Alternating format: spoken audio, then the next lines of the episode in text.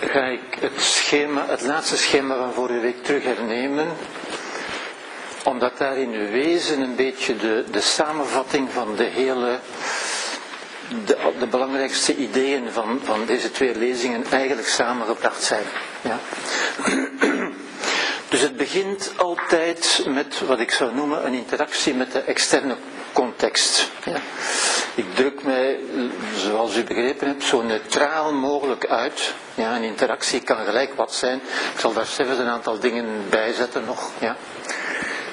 Die interactie leidt tot een bepaalde ervaring. U weet nog vorige week het ervarende zelf. Ja de momentane ervaring. Ja? Wat we ook een state of mind zouden kunnen noemen, laten we zeggen een interne toestand. Ja? Dat leidt op zijn beurt tot wat ik vorige week ook heb genoemd het verhalende zelf. Het verhaal dat we ons daarover vertellen. Dat is iets anders dan de ervaring. Ja, ik heb dat vorige week aan de hand van een bevalling, weet u nog? Ja, dat onderscheid heel scherp willen stellen in feite. Maar ik denk dat het belangrijk is van dat ook scherp te stellen, dat onderscheid. Ja? Het verhalende zelf, wat ik de interne context zou noemen. Ja? Dat waar we echt in leven, waar we mee leven uiteindelijk. Ja? Nu, die interne context bepaalt op zijn beurt ja, het ervarende zelf. Ja? Oké, kom erin. En als u zich herinnert, vorige week wat ik over een bevalling heb gezegd, ja, een bevalling was een bijzonder onaangename interactie met de externe context, ja, maar die toch beleefd wordt als een gelukkige ervaring vanuit de interne context, het verhaal dat we erover vertellen. Ja? En het is heel belangrijk van dat, van dat onderscheid scherp te maken. Ja? Want dan begrijpt u wat we ook gaan kunnen doen. Ja? En dus dat ervarende zelf, die state of mind, die bepaald wordt. Ja? Wij denken meestal, intuïtief denken wij altijd, ja, wat ik ervaar is de interactie met de externe context, is de gebeurtenis. Ja? Het is belangrijk om te begrijpen dat onze ervaring, onze, onze beleving dus, voor zeker een zo groot stuk, zo niet groter stuk in feite, ja, bepaald wordt door onze interne context. Ja, dat zal u dadelijk nog duidelijker worden. Ja.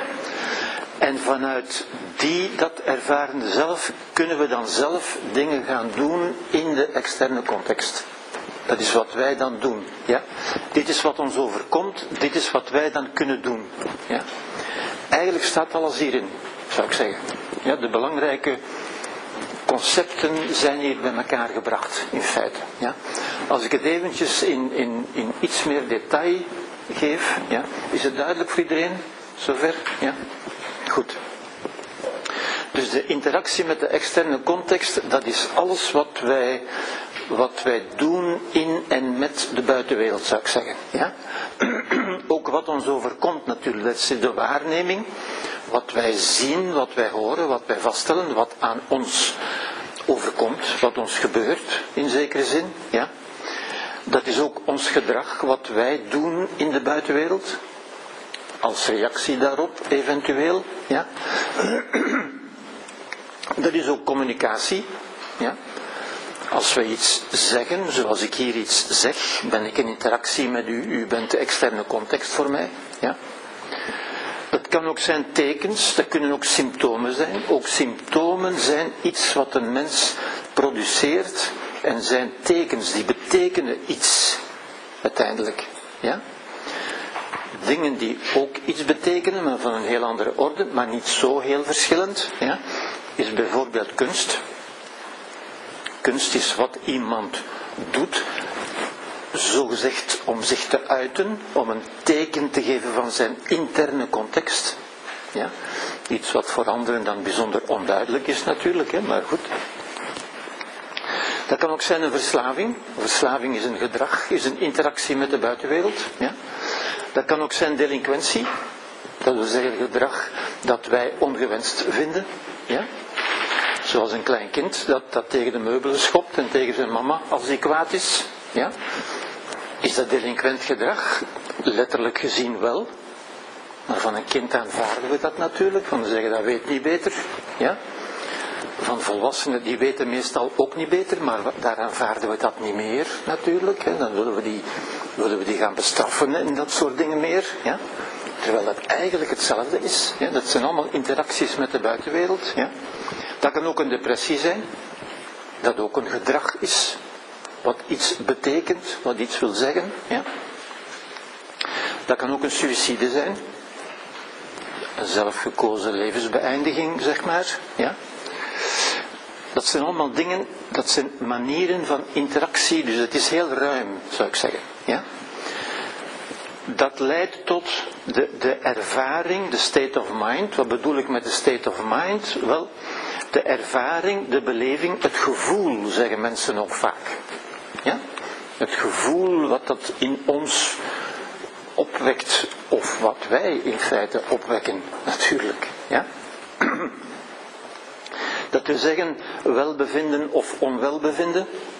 Ja, dat zijn meestal de twee grote categorieën. Ik vind dat fijn of ik vind dat niet fijn. Ja. Het lijden, met andere woorden. Lijden is een manier van zeggen, dit vind ik niet fijn. Ja. Ja. Emoties, angst, woede. Ja. En nog vele andere dingen natuurlijk. Ja. Dus onze interne wereld. Ja. Wat is de verhalende context, de interne context? Hè? Dat is iets waar mensen zich veel minder van bewust zijn. En daarom is het eigenlijk ook het belangrijkste van er bewust van te worden. Ja? Want dat is wat bepaalt. Waarom zijn mensen zich daar niet zo van bewust? Wel, omdat dat is wat wij normaal vinden. Ja? En iets wat we normaal vinden, daar gaan we niet over nadenken. Ja, we zeggen dat is toch gewoon zo, het is toch normaal. Ja? Hoe kunnen we dat noemen? Om dat, om dat normale, die normaliteit, een beetje los te weken, om te zien dat het eigenlijk maar een manier van normaliteit is. Ja? Wel, we kunnen dat noemen ons achterliggend interpretatiekader. Ik probeer het weer zo neutraal mogelijk te zeggen. Dat we zeggen, de manier hoe we de dingen bekijken.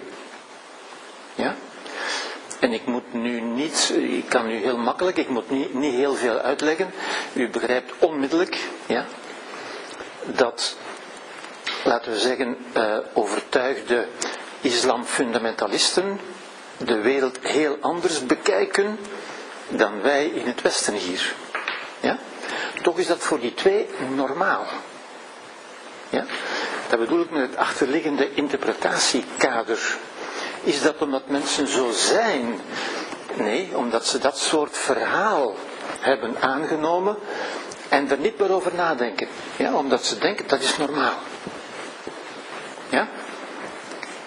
Hoe kunnen we dat nog noemen? Een globaal leesrooster. Een lens, een filter op de realiteit, die bepaalde dingen zichtbaar maakt en andere niet. Ja? Een leesrooster uh, is de letterlijke vertaling van het Franse grille de lecture natuurlijk. Ik weet niet of daar een beter woord voor bestaat. Dat is een manier om de wereld te bekijken. Het zegt eigenlijk hetzelfde. Ja? Dat is ook wat men in de wetenschap, sinds Thomas Kuhn, die het over de scientific revolutions had, ja, uh, een paradigma is gaan noemen. Ja? wat men in wat Jacques Lacan bijvoorbeeld in de psychoanalyse de symbolische orde noemt, de taal met andere woorden, ja? hoe we de dingen benoemen. Ja? Dat is wat Lyotard het narratief of het verhaal noemt. En ik noem die filosofen om u, om u te tonen dat vele mensen daarover nagedacht hebben natuurlijk. Hè. Maar dat is niet doorgedrongen tot, tot de populaire geest, zou ik zeggen. Ja de, de meeste mensen zijn in een bepaald narratief, een bepaald verhaal en vinden dat normaal. Die normaliteit. Ook in de wetenschap is dat zo. Ja? Wittgenstein noemde dat een taalspel. Het zijn eigenlijk allemaal dezelfde andere woorden voor eenzelfde concept. Ja? Foucault noemde dat een discours. Richard Rorty noemt dat een vocabulaire. Ja? En u ziet allemaal, al die filosofen hebben daar eigenlijk over nagedacht. Dus ik wil daarmee zeggen, dat is wel degelijk aanwezig. Mensen zijn zich daar degelijk van bewust. Maar niet de, de gewone mens, zou je kunnen zeggen. Ja? Dat is wat we noemen een attitude, een mindset, een filosofie, een theorie ook.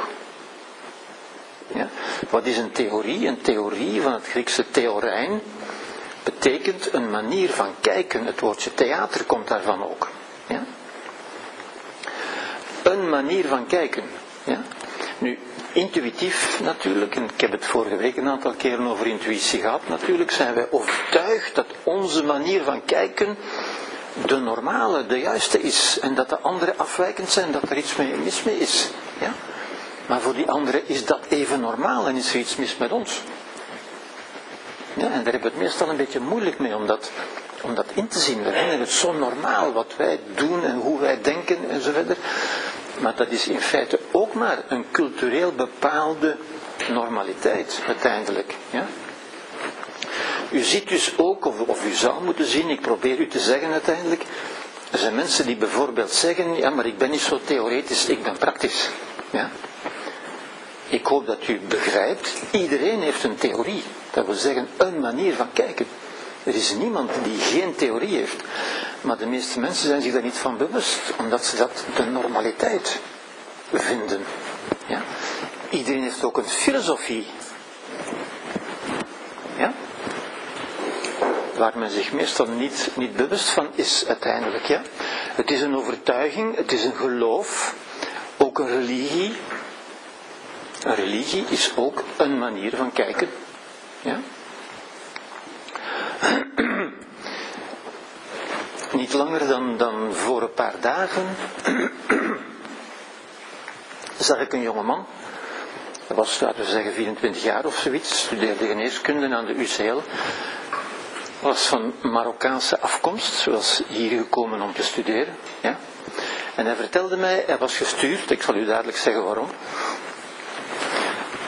Hij vertelde mij dat dus ik zeg, ja, wat is uw probleem? Hoe kan ik u helpen?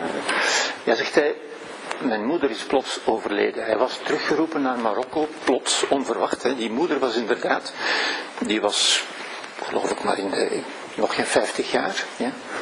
Die was, eh, de vader was een aantal uren van huis weg geweest en hij kwam terug thuis en hij vond zijn vrouw dood op de grond. Ja. Blijkbaar een hartstilstand of zoiets, hè. dus plots overlijden. Dus die jongen was plots teruggeroepen naar, naar eh, Marokko natuurlijk, om daar naartoe te gaan. Hij heeft nog enkel, hij beschreef het mij, het, het, het koude lichaam van zijn moeder kunnen omhelzen, in feite. Ja? Is dat een trauma? Ja? Dat, dat mag je zo niet zeggen.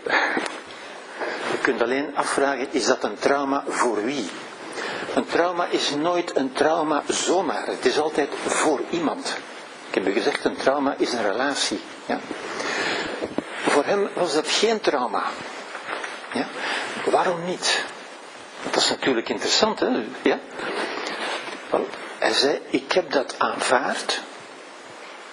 En ik zei, hoe, heb je dat kunnen zo makkelijk en zo snel, het is, het is niet zo lang geleden gebeurd, kunnen aanvaarden?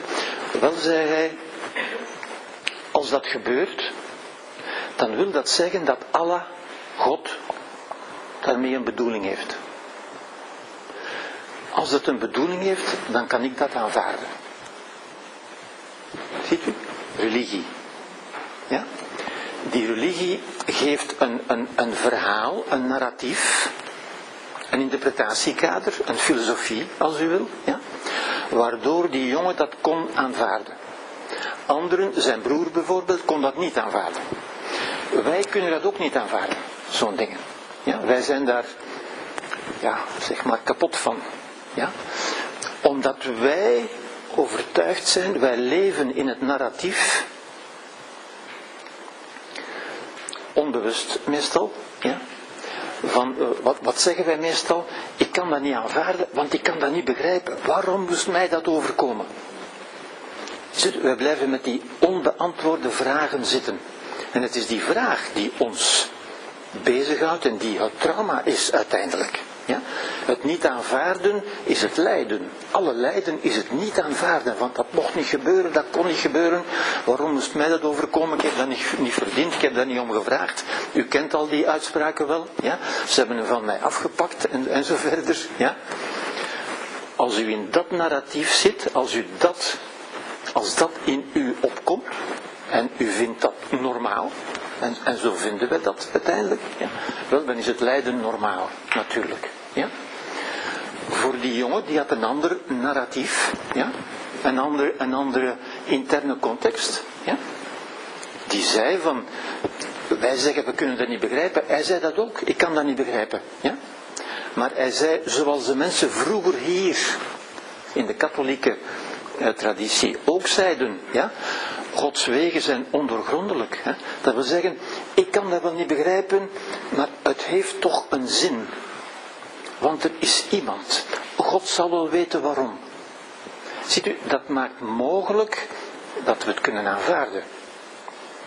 Als we het kunnen aanvaarden, is er ook geen lijden meer, natuurlijk. Hè? Het, het, lijden, het rouwen, de verwerking en, en zo verder, is alleen maar van een houding, van een positie van niet aanvaarden naar een positie van aanvaarden. Ja? Daar kunt u een dag over doen, of een week, of een jaar, of tien jaar, of twintig jaar. Ja? Maar u, u weet toch ook, of we weten toch ook, ja?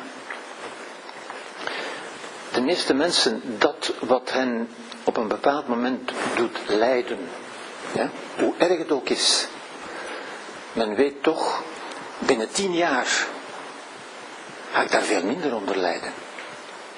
Waarom? De ervaring zelf, de interactie zelf is niet veranderd. Hoe komt het dan dat je dat binnen tien jaar wel en nu niet? Wat kan er veranderd zijn?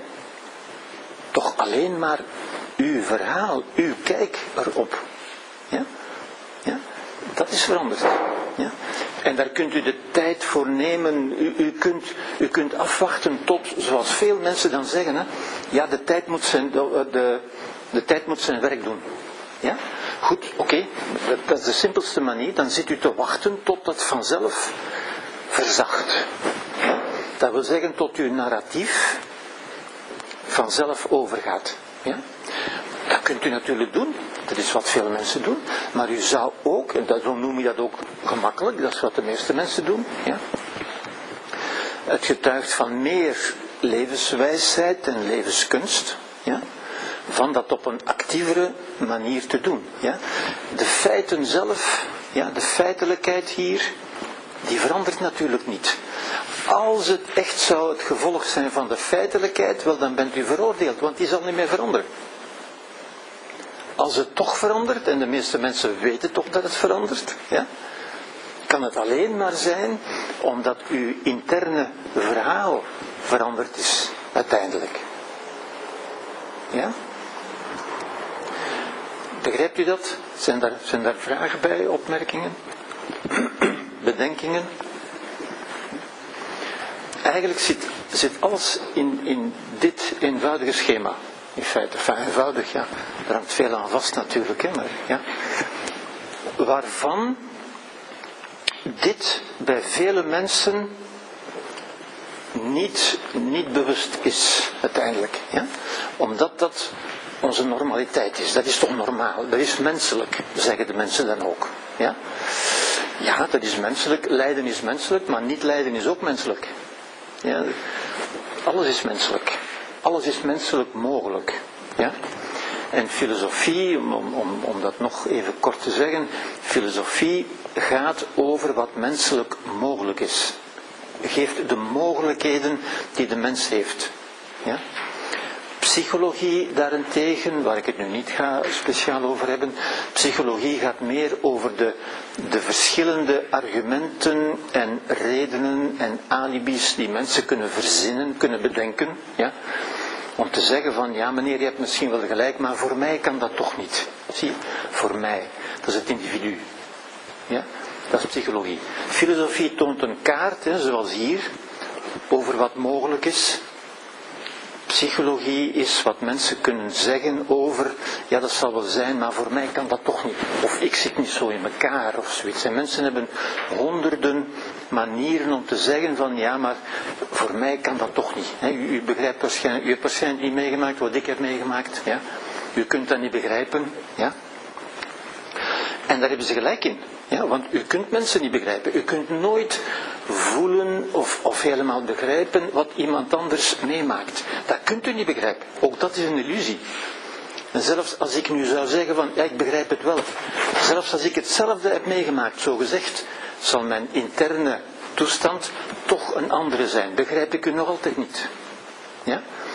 En ook dat is, zoiets wat, wat een volwassene moet begrijpen, hè, wat, wat er ook op neerkomt, dat je eigenlijk altijd alleen bent. Ja, de anderen kunnen u niet begrijpen. En u kunt zeggen, ik heb dat nodig dat ze mij begrijpen, u kunt dat wel zeggen, maar dat is, dat is, eindeloos. Ja, want u kunt ook nooit verifiëren of de ander u wel begrepen heeft. Je kan dat zeggen, maar u kunt dat nooit checken. Ja? Dus u zit ook daar in een padstelling, in feite. Ja?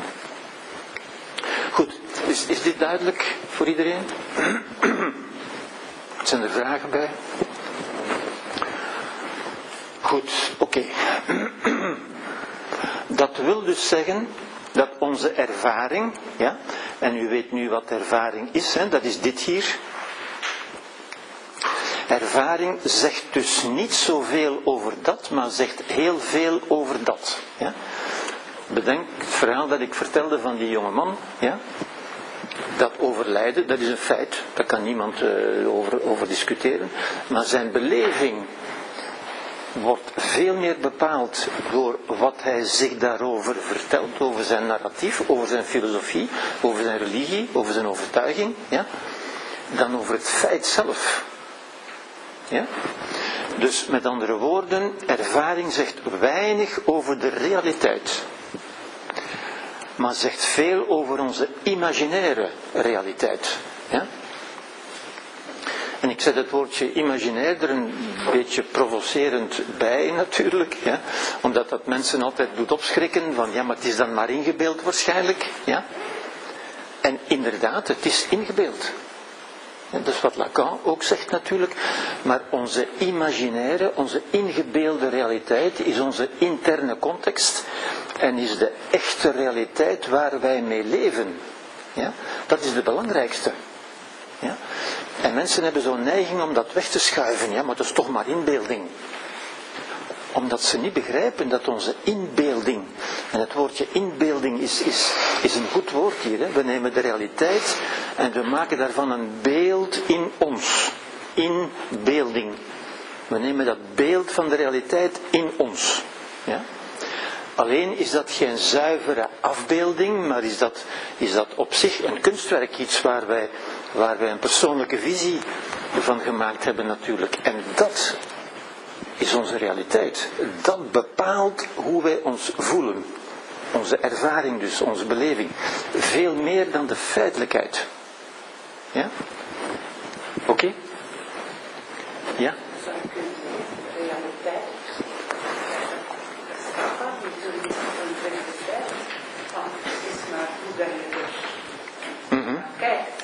Dat is juist, dat is voor het, tweede stuk is juist, het eerste stuk zou ik niet durven zeggen. Ja? Je kunt niet zeggen dat de realiteit niet bestaat. Hoe, hoe, hoe zou je dat kunnen weten? Ja? Ook dat weet je niet. Hè? Er is wel iets, er is iets daar. Je kunt alleen zeggen, we kunnen de realiteit niet kennen. We hebben er altijd onze eigen visie op. Ja? Maar dat wil niet zeggen dat de realiteit niet bestaat natuurlijk. Ja? Dat is wat Kant ook zei, en dat is weer een filosoof natuurlijk, die zei dat ding aan zich, de realiteit op zich, is onbekend. U weet ook dat men in het CERN in Genève bijvoorbeeld grote onderzoekingen doet naar de, naar de materie. We weten niet eens wat de materie juist is. In de, in de grote Large Hadron Collider. Ja?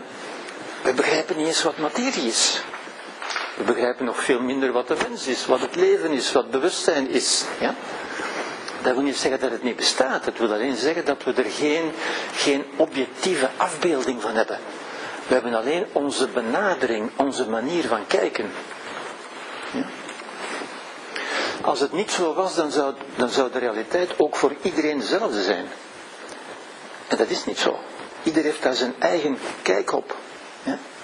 Ik wil ook niet zeggen de eigen waarheid, maar wel de eigen kijk, de eigen theorie. Een kijk is een theorie uiteindelijk. Ja?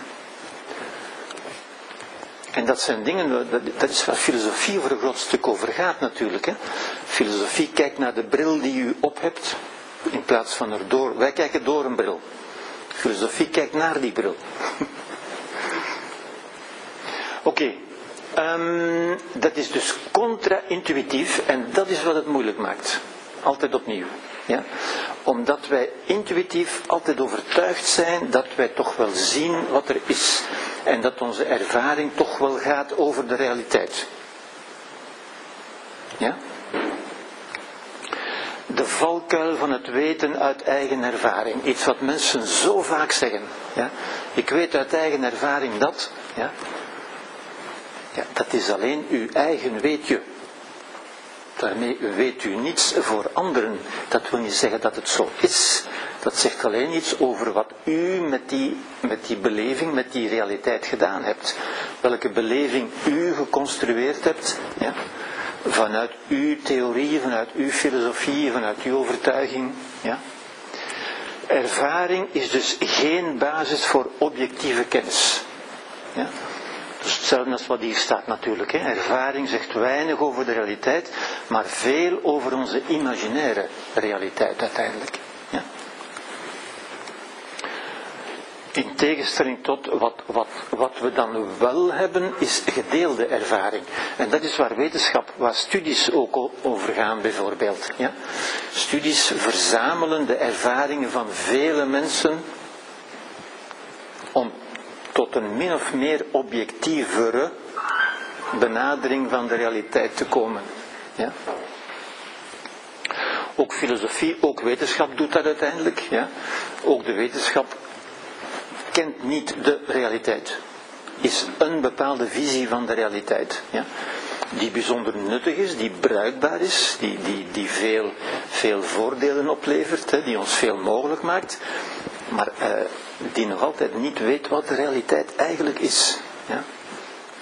Goed, oké. Um, hier ziet u dat ook een keertje voorgesteld. Ik weet niet of u hem onmiddellijk hebt. Hier is de realiteit. Dat is wat deze maakt van de realiteit en dat is wat deze ervan maakt.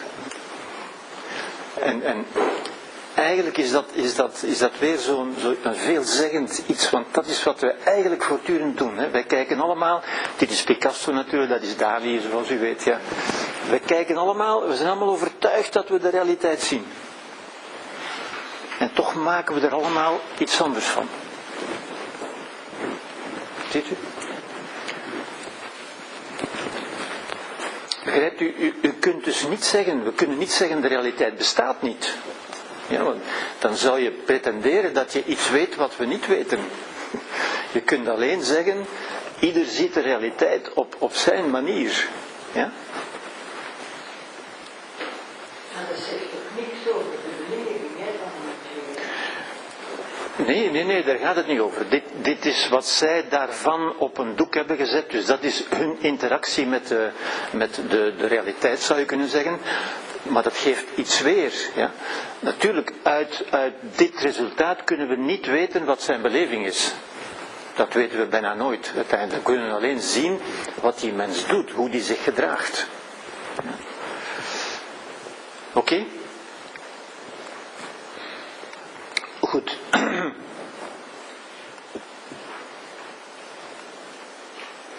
Het inzicht is dus de conclusie hieruit is dus, de bron van onze ervaringen is in ons. Terwijl we altijd, ik leg er wat de nadruk op omdat het zo belangrijk is natuurlijk, wij denken altijd de bron van onze ervaring is in de buitenwereld. Ik ervaar de buitenwereld. We ervaren veel meer onze binnenwereld uiteindelijk. Dat wil zeggen, de bron van alle lijden is ook in ons. Ja? Niets doet ons lijden. Ja, ons lijden is onze reactie op de buitenwereld? Nee, op onze binnenwereld. Ja. Is wat wij doen met ons idee van de buitenwereld uiteindelijk. Ja. Daarom is lijden ook niet noodzakelijk natuurlijk. Dit is ook niet omdat veel mensen het doen dat het niet anders zou kunnen. Het kan wel degelijk anders. Ja, Dieter? Ja, in op dit had ik eigenlijk gevraagd waarom dat die tussenstop in die onderste pijlerreeks, daar had ik zo verwachten dat vanaf de stad natuurlijk, er is een prikkelende buitenwereld en we hebben dan als referentiekader en dit bepaald gevoel. Maar als je eerst naar de kijkt, ja. staat er nog eerst een gevoel van wagen. Wel, dat is wat veel mensen doen natuurlijk, hè. Wat, wat, wat, wat ons overkomt, zo gezegd. Onze eerste reactie is, is onze beleving. Ik vind dat fijn of ik vind dat niet fijn. Maar is dat dan natuurlijk referentiekader? Ja. Natuurlijk, dat heb ik ook gezegd. Ja, ik weet het wel. Ja. Daarom is ook die pijlen terug natuurlijk. Ja. Ons referentiekader bepaalt natuurlijk al hoe we het gaan waarnemen, bepaalt al onze waarneming natuurlijk. Ja. Het is zodanig met elkaar verweven. Ik heb het een beetje uit elkaar getrokken natuurlijk, om, om, om het didactisch te maken. Maar u hebt helemaal gelijk natuurlijk. Oké, de bron van alle lijden is in ons. Ja. Dat wil ook zeggen dat lijden niet noodzakelijk is. En mensen zeggen lijden is toch menselijk? Ja, lijden is menselijk, maar niet lijden is ook menselijk. Ja? En Tolle zegt bijvoorbeeld, je kent Tolle, Eckhart Tolle, de kracht van het nu, hij zegt bijvoorbeeld, je lijdt tot je begrepen hebt dat lijden niet nodig is. Ja? De Boeddha zegt ook, alle lijden is een gevolg van onwetendheid. Ja? En onwetendheid is natuurlijk het feit dat u zich niet bewust bent van uw interpretatiekader. Ja? En dat u begint met lijden. Ja? Binnen tien jaar leidt u nu meer. Wat is er dan veranderd? Niet de feiten, maar wel uw manier van ermee omgaan. Ja? Omgekeerd natuurlijk, de bron van alle welzijn is ook in ons. Natuurlijk. Ja? Ik zeg dat nu heel kort, dat is uiteindelijk het wezen van, van het boeddhisme, ja? maar ook van de stoïcijnen bijvoorbeeld en van vele andere manieren van kijken. Ja? Omstandigheden vormen alleen de context waardoor we die bronnen kunnen leren kennen. Ja? We stellen vast dat de mogelijkheid van lijden maar ook van niet lijden in ons aanwezig is. En dat stellen we vast in een bepaalde context. Zolang we denken dat het veroorzaakt wordt door die context, leren we niets over onszelf. Worden we daar niet, niet wijzer van, uiteindelijk. Ja? Worden we geleefd door de context. Het is pas als we dat gaan beseffen, dat we dat eigenlijk zelf in de hand hebben, dat het lijden uit ons komt, dat we het lijden ook kunnen stoppen. Ja? Elke ervaring van geluk wijst naar een interne bron van welzijn. Ja? Er is niets in de buitenwereld dat ons gelukkig maakt. Als we dan toch die ervaring hebben, dan wijst die naar een bron van welzijn in ons, uiteindelijk. Ja? Dat is, dat is de kern van boeddhisme uiteindelijk. Ja. Omgekeerd, elk lijden wijst naar een interne bron van lijden. Ja. Oké. We gaan daar straks op terugkomen natuurlijk. Ja. Wie we echt zijn is niet kwetsbaar en is ook nooit gekwetst geweest. Ja. Ook dat is zoiets wat, wat de kwetsbaarheid van de mens, ja, en mensen spreken ook vaak over wonden en kwetsuren en zo verder. Ja. Nu, ik nodig u uit om vast te stellen dat niemand dat ooit heeft kunnen waarnemen. Die wonden en kwetsuren, waar zouden die zijn? Ja. Als u er even over nadenkt, dan beseft u dat dat eigenlijk niet kan. Er is niets in ons dat gekwetst zou kunnen worden. Er is ook niks dat, dat, dat, waar wonden of kwetsuren zouden kunnen zijn. Ja. Wonden en kwetsuren is een metafoor.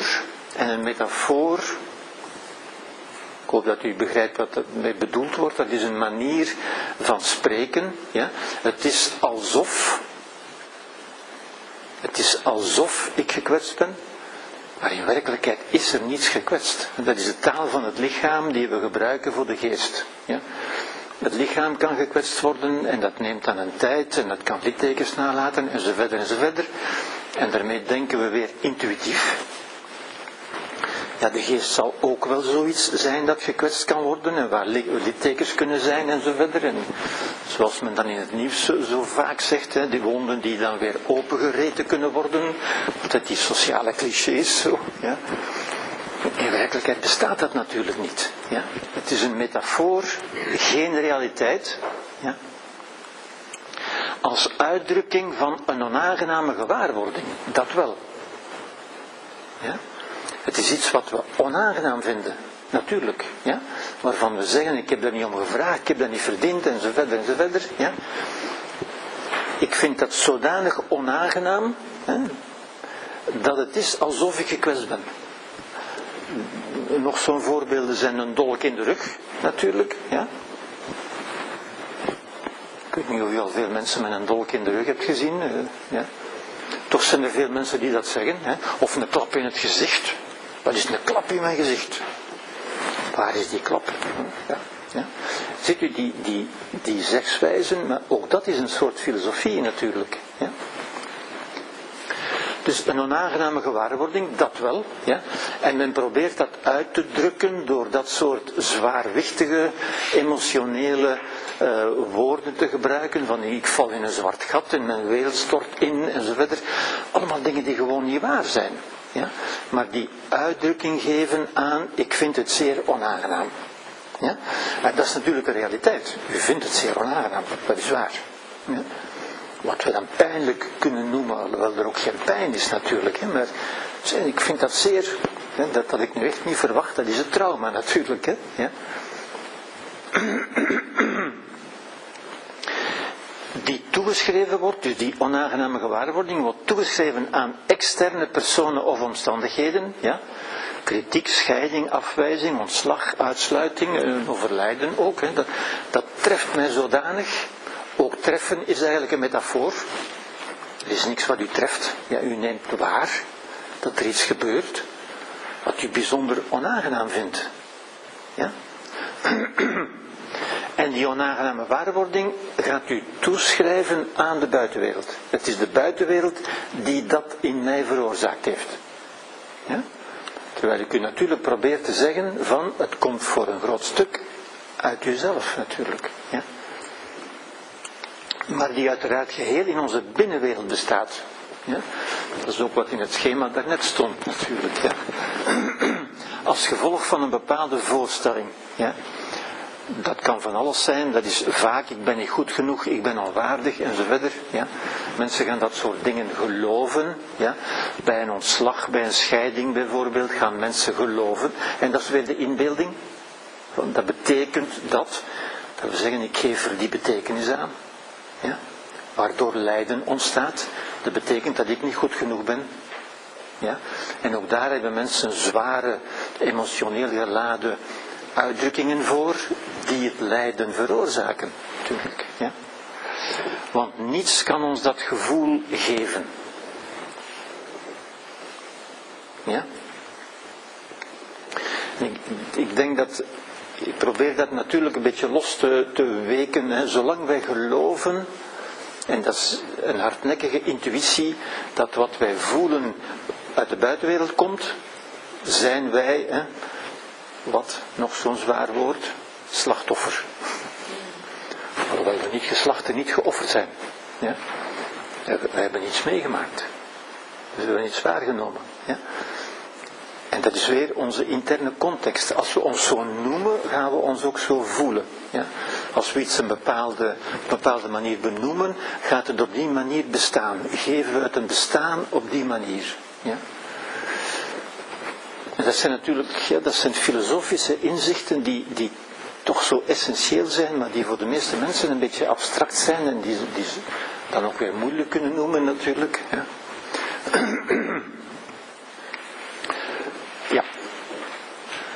Oké.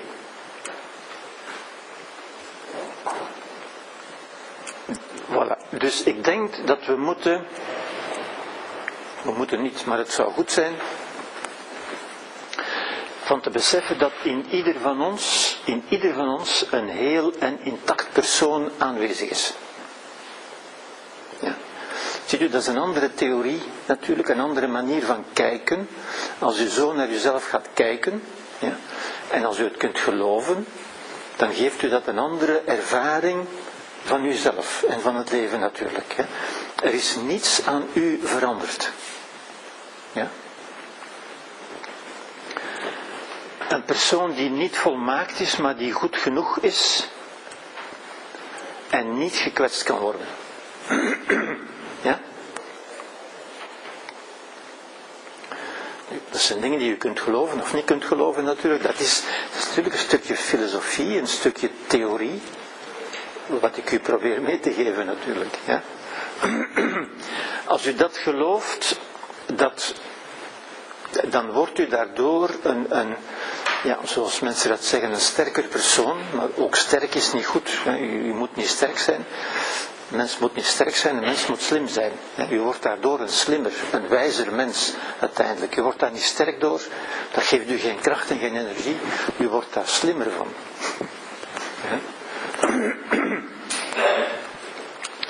Kwetsbare mensen, mensen die zich kwetsbaar noemen, en u kent al die uitdrukkingen, we horen die ook weer elke dag natuurlijk. Want dan moet je kwetsbaar durven opstellen en dat soort dingen. Ik vraag me altijd af, wat kan, dat, wat kan dat betekenen? Wat zou dat nu kunnen betekenen? Als ik, ik stel mij nu kwetsbaar op, eh, eh, eh, wat dan? Ja, wat verandert er dan? Ik denk mensen die dat geloven zijn alleen maar mensen die die intacte persoon in zichzelf nog niet ontdekt hebben. Die dat niet geloven met andere woorden. Die geloven. En ik kan niet genoeg de nadruk leggen op, op het belang, de, de kracht, de macht van wat we geloven. Ja? Dat heeft niets te maken met, met realiteit, maar met wat wij geloven over de realiteit. Ja? Mensen die twijfelen over hun recht om er te zijn, heel vaak. Ja? En ook dat is een theorie, natuurlijk. Ja? Mensen die heel vaak, zeggen ze dan, het gevoel hebben, of de indruk hebben, zeggen ze ook vaak. Ja? Maar dat zijn uiteindelijk overtuigingen. Ja? dat ze niet het recht hebben om er te zijn. Of dat ze niet goed genoeg zijn. Ja? Dat is geen gevoel, dat is een idee, dat is een beoordeling.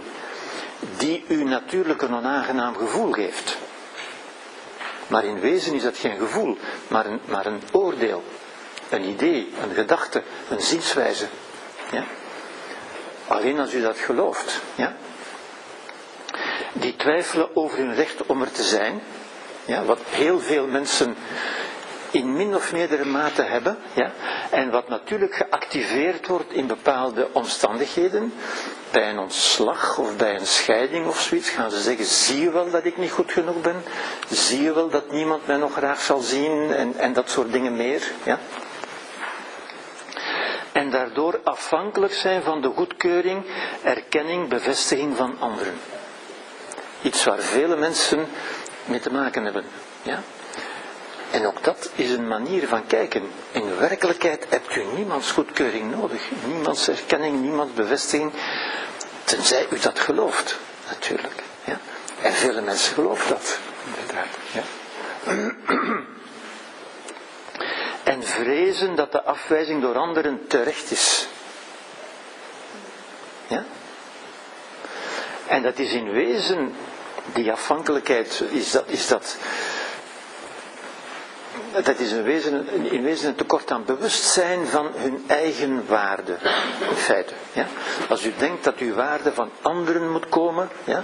zoals, zoals zoveel dingen waarvan mensen denken dat het van anderen moet komen, dan is het een tekort aan bewustzijn van uw eigen waarde, ja?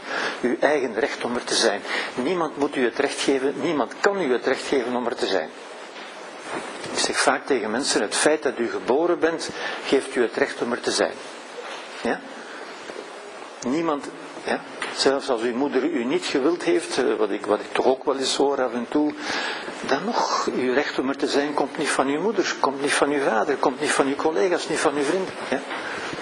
Het komt van het leven zelf. Het leven heeft u uitgenodigd om er te zijn. Anders zou u er niet zijn. Ja? Zoals alles wat leeft. El- Elke boom, elke vogel heeft het recht om er te zijn. Door het feit dat hij er is. Ja?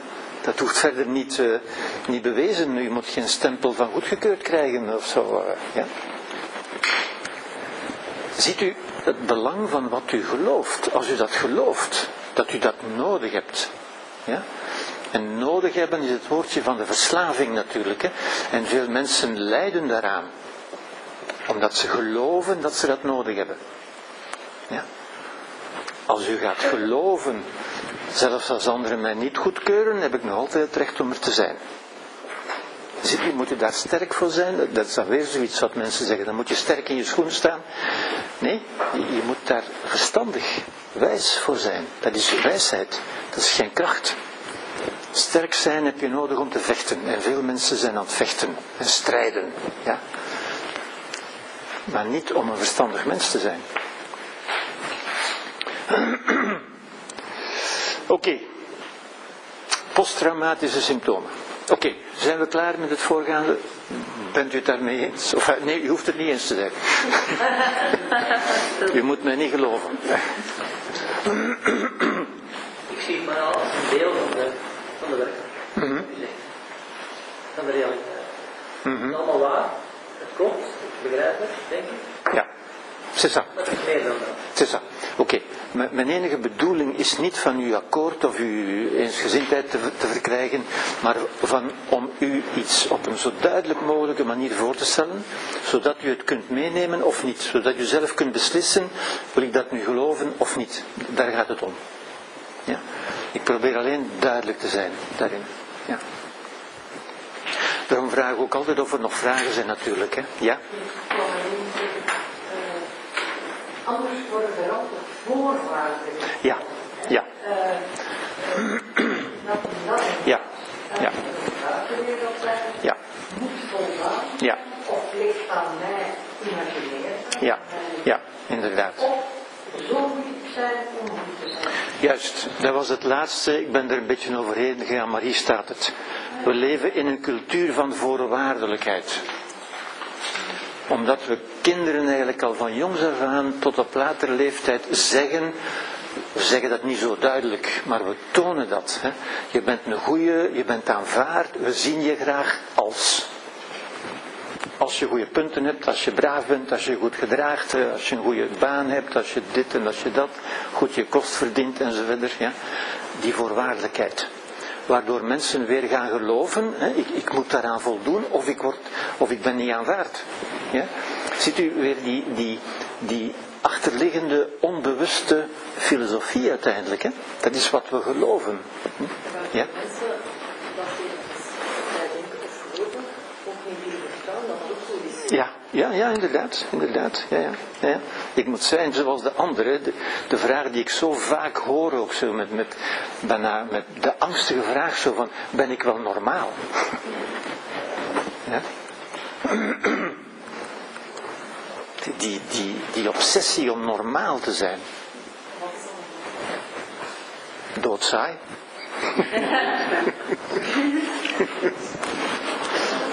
Nee, u bent niet normaal, u bent speciaal.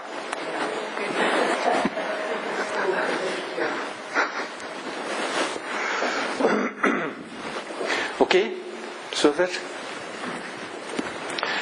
Wat zijn eigenlijk posttraumatische symptomen? Wel, een getraumatiseerd persoon. Ja? Nu heb ik het over echte trauma's natuurlijk. Hè, en u zult dadelijk beter begrijpen wat dat is uiteindelijk. Hè. Is als het ware gevangen in een instinctieve overlevingsmodus. Ja? Vastzitten, en ik heb het dus in aanhalingstekens gezet, want ook dat is een metafoor. U zit niet echt vast natuurlijk. En, en het is, het is zo, zo moeilijk om daar ju- juist over te, te zeggen, u zit niet echt vast, hè, maar men noemt dat vastzitten, hè, gevangen zitten. In chronische vlucht- of vechtreacties. Ja? En of, en dat zult u herkennen natuurlijk, hè, verlamd zijn, bevroren zijn, verstijfd zijn. Dus dat zijn nu echt posttraumatische ja, versteend. U begrijpt ook dat zijn metaforen. Niemand is echt versteend natuurlijk, hè, maar petrifieerd, hè, als versteend, hè, verstijfd. Ja, vastzitten noemt men dat. Ja. Machteloos, wantrouwig. Ja? Dit zijn echte woorden die we kunnen gebruiken voor iemand in een echte posttraumatische fase. Onmiddellijke posttraumatische fase. Ja? Dit zijn patronen van het oude brein. Dit zijn geen, geen pathologische patronen. Dit zijn eigenlijk normale patronen die je ook bij een dier kunt zien dat zich in acuut gevaar bevindt.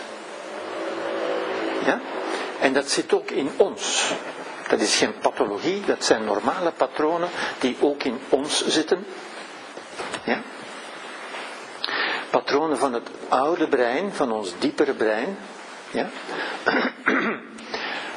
Tot lange tijd na het trauma kunnen die blijven bestaan. Ja? Dit zijn nu echt de acute. Um, acute, bijvoorbeeld in oorlogssituaties. Ja? In gijzelingssituaties. In ernstige mishandelingssituaties. Ja? Kunt u dat soort dingen zien? Ja? Het geloof ook. Geloof, ja. Het gevoel heb ik erbij gezet. Mensen noemen dat ook weer het gevoel, maar uiteindelijk is dat een geloof. Ja? Anders te zijn dan de anderen en geïsoleerd van de samenleving. En, en ook dat is belangrijk. Mensen voelen zich geïsoleerd van de samenleving. Ja?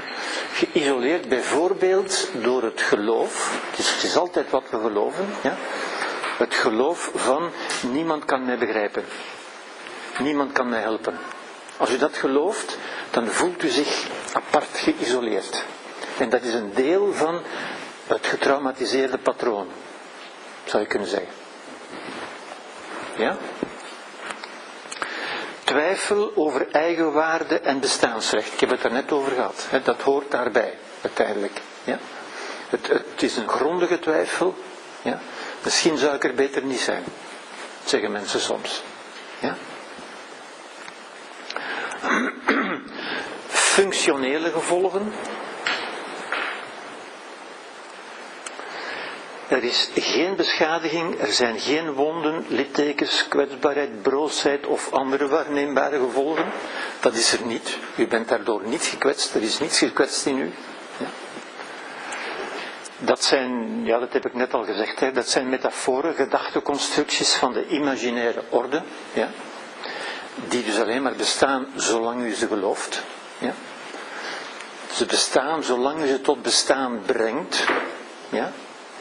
Maar dat is met, met vele dingen zo natuurlijk, ja. Als u zich afvraagt, als u zich afvraagt, bestaat een emotionele band?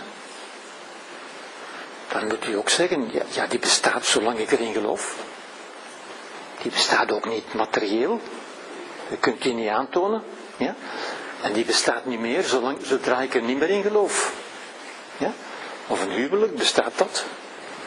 Maar dat bestaat als u erin gelooft. Ja? Er zijn tal van dingen die bestaan als we erin geloven. En dat is ook voor dit zo. Ja? François Roustan, een Franse uh, psychiater en filosoof, zei: We mogen de patiënt niet opsluiten in vermeende kenniscategorieën, en dat is wat wij meestal proberen te doen, onze diagnoses. Ja? in concepten, dogma's en diagnosen. Ja? En we gaan vaak van die, van die voorspellingen doen, van nu, zul, nu zal het heel lang duren voordat je weer normaal bent, of voordat je weer een relatie kunt hebben, enzovoort. Ja? Bij een trauma gaat het eerder om een hyperactiviteit van het instinctieve brein. Vechten, vluchten, verstijven, fight, flight or freeze. Ja? Het is het instinctieve brein. Het is een situatie waarin ons instinctieve brein zich bedreigd heeft gevoeld in zijn overleving en, en automatisch reageert. Ja?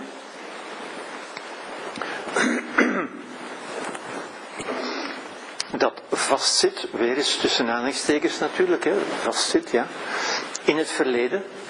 Mensen zeggen ook, ik kan dat niet vergeten. Ja. Als een allergie, als een fobische reactie. En een fobische reactie is eigenlijk ook precies dat. Ja? Een, een geëikte reactie, een automatische reactie op een bepaalde omstandigheid. Ja? Als een paraplu, hoewel de regen al lang gestopt is. Dat idee komt van Watzlawick. En vele mensen gedragen zich zo. Ja? Ze lopen nu altijd met een paraplu, alhoewel het al lang niet meer regent. Ja? Maar die automaat, dat is wat men bedoelt met vastzitten in het verleden. Ze reageren, ze doen alsof het verleden nog aanwezig was. Men zit natuurlijk niet echt vast. Ja? Maar dit is als, als ik heb dat toch al, verschillende keren gehoord en, uh, en ik heb dat zelf ook. Uh, dat, ja, dat heeft het hele geleerd. Ja. Ja, inderdaad, inderdaad. Maar, Natuurlijk. het Ja, ja. Ik verwijs vaak naar een kind dat gebeten is door een hond. Ja? Dat kind verwijst ook naar zijn ervaring. Hè? Ik heb geleerd. Herinner u wat ik zei? De valkuil van het leren uit ervaring. Ik heb ervaren dat honden bijten. Nee. U hebt ervaren dat die hond op dat moment u gebeten heeft. Ja? Maar daaruit gaan wij intuïtief veralgemenen van dus, nu weet ik dat alle honden gevaarlijk zijn. Ja? En ziet u, dat is een automatische reactie. Die ons heel nuttig was in de natuur. Ja? Als u in de natuur um, achterna bent gezeten door een bruine beer, is het verstandig van te geloven dat alle bruine beren gevaarlijk zijn. Ja? Dat is een goede strategie in de natuur. Dat is niet zo'n goede strategie in de cultuur. Als u in de cultuur een keer onheus behandeld bent door een bruine man, is het niet wijs van te denken alle bruine mannen zijn gevaarlijk. Ziet u, dat is weer onze intuïtie. Onze intuïtie is heel primair en is bedoeld voor onze overleving. Ja? Snelle conclusies die onze overleving veiligstellen. Ja? En dat is niet verkeerd, dat, is, dat is, heeft een goede bedoeling. Alleen leven we niet meer in een natuur, maar wel in een cultuur. Waar we meer moeten nadenken dan op onze intuïtie vertrouwen. Ja? Dat wil niet zeggen dat die intuïtie verkeerd is, hè, maar dat is een paraplu terwijl het al lang niet meer regent. Ja? Pierre Janet, tijdgenoot van Freud, zei niet in staat zijn in het heden te leven.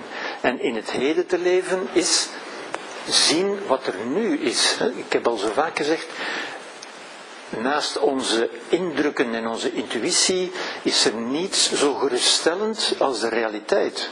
Ja? De realiteit is, het regent niet meer. Ja? Maar je kunt zeggen, ja maar ik heb het over, oh, geleerd uit ervaring dat ik mijn paraplu moet ophouden. Ja? Ja. Zie je, dat is heel misleidend. Hè? Dat, dat leren uit ervaring kan al bijzonder misleidend. Dat is niet altijd fout. Ja? Daar zit meestal ook iets van waarheid in, maar het kan ons ook bijzonder misleiden. Ja?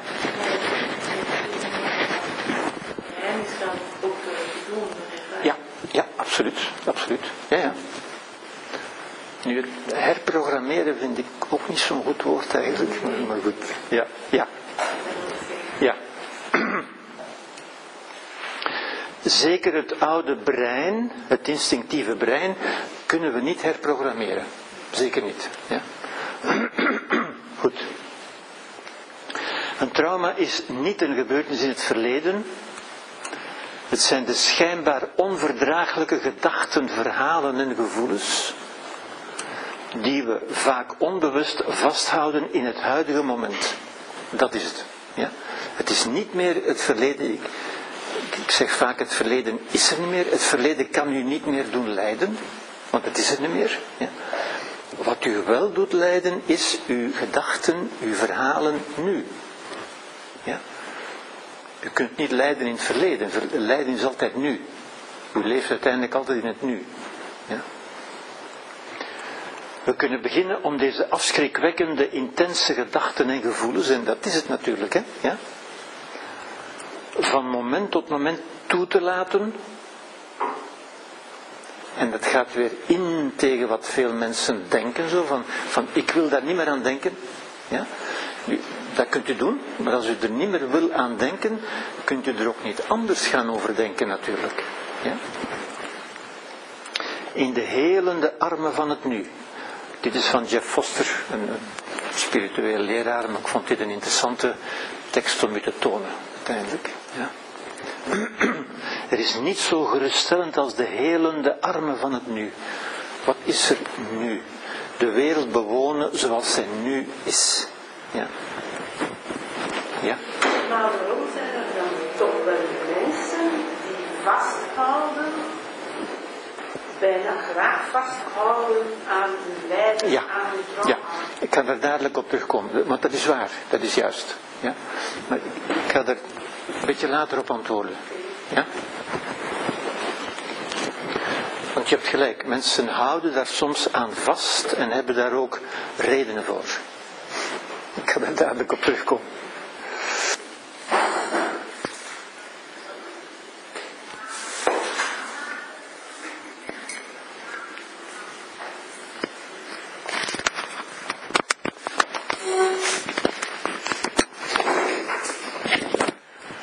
Oké, zijn er nog vragen het voorgaande? Nee? Oké. Therapeutische benadering. Het, het eerste wat altijd bij mensen opkomt, ook bij fobieën hoor, en er is een grote gelijkenis tussen fobieën en posttraumatische fenomenen, ja, is altijd van vermijden of bestrijden. En dat lijkt vanzelfsprekend. Ja? Dat waar ik bang voor ben, ga ik niet meer doen. Ja. Ehm, ook dat is weer intuïtief eh, vanzelfsprekend. Ja. Het lijkt logisch, maar what you resist persists. En dat is iets wat mensen niet voldoende beseffen uiteindelijk. Ja. Als u terugdeinst voor de angst, ongeacht waar die angst vandaan komt, dan wordt de angst altijd groter. En u wordt altijd kleiner. En uw wereld wordt ook altijd kleiner. Uw comfortzone wordt altijd kleiner. En uiteindelijk zijn er mensen die niet meer uit hun kamer durven komen. Ja? En mensen begrijpen dat niet, niet voldoende weer. Dat is niet omdat ze dom of lui zijn, maar omdat ons dat niet voldoende gezegd wordt. Ja? François Roustan zegt weer, de patiënt is niet ziek, hij is onwetend. Ja? Dat is geen, geen psychisch probleem, dat is een probleem van, van, van onwetendheid, doodgewoon. Ja? Een therapeut heeft niet de macht om te genezen, er is ook niks te genezen, maar moet verandering uitlokken en moet daartoe een beetje provoceren vaak. Ja? Als men alleen maar dingen zegt die leuk en die aangenaam zijn en waar iedereen het mee eens is, ja, dan komt men geen stap verder natuurlijk. Ja? En dat is natuurlijk, als therapeut is dat heel, heel, heel lastig, want als u een beetje te snel gaat, dan zeggen mensen natuurlijk van zie je wel dat je me niet begrijpt? Ja? En dan ben je het contact kwijt. Ja, dus je moet, je moet voldoende, je moet dat bijna soms in homeopathische dosissen doen, om het voor mensen uh, verteerbaar te maken, ja? zodanig dat ze het idee krijgen, en ook dat is een idee natuurlijk, het geloof, hè, dat u hen toch begrijpt. Ja?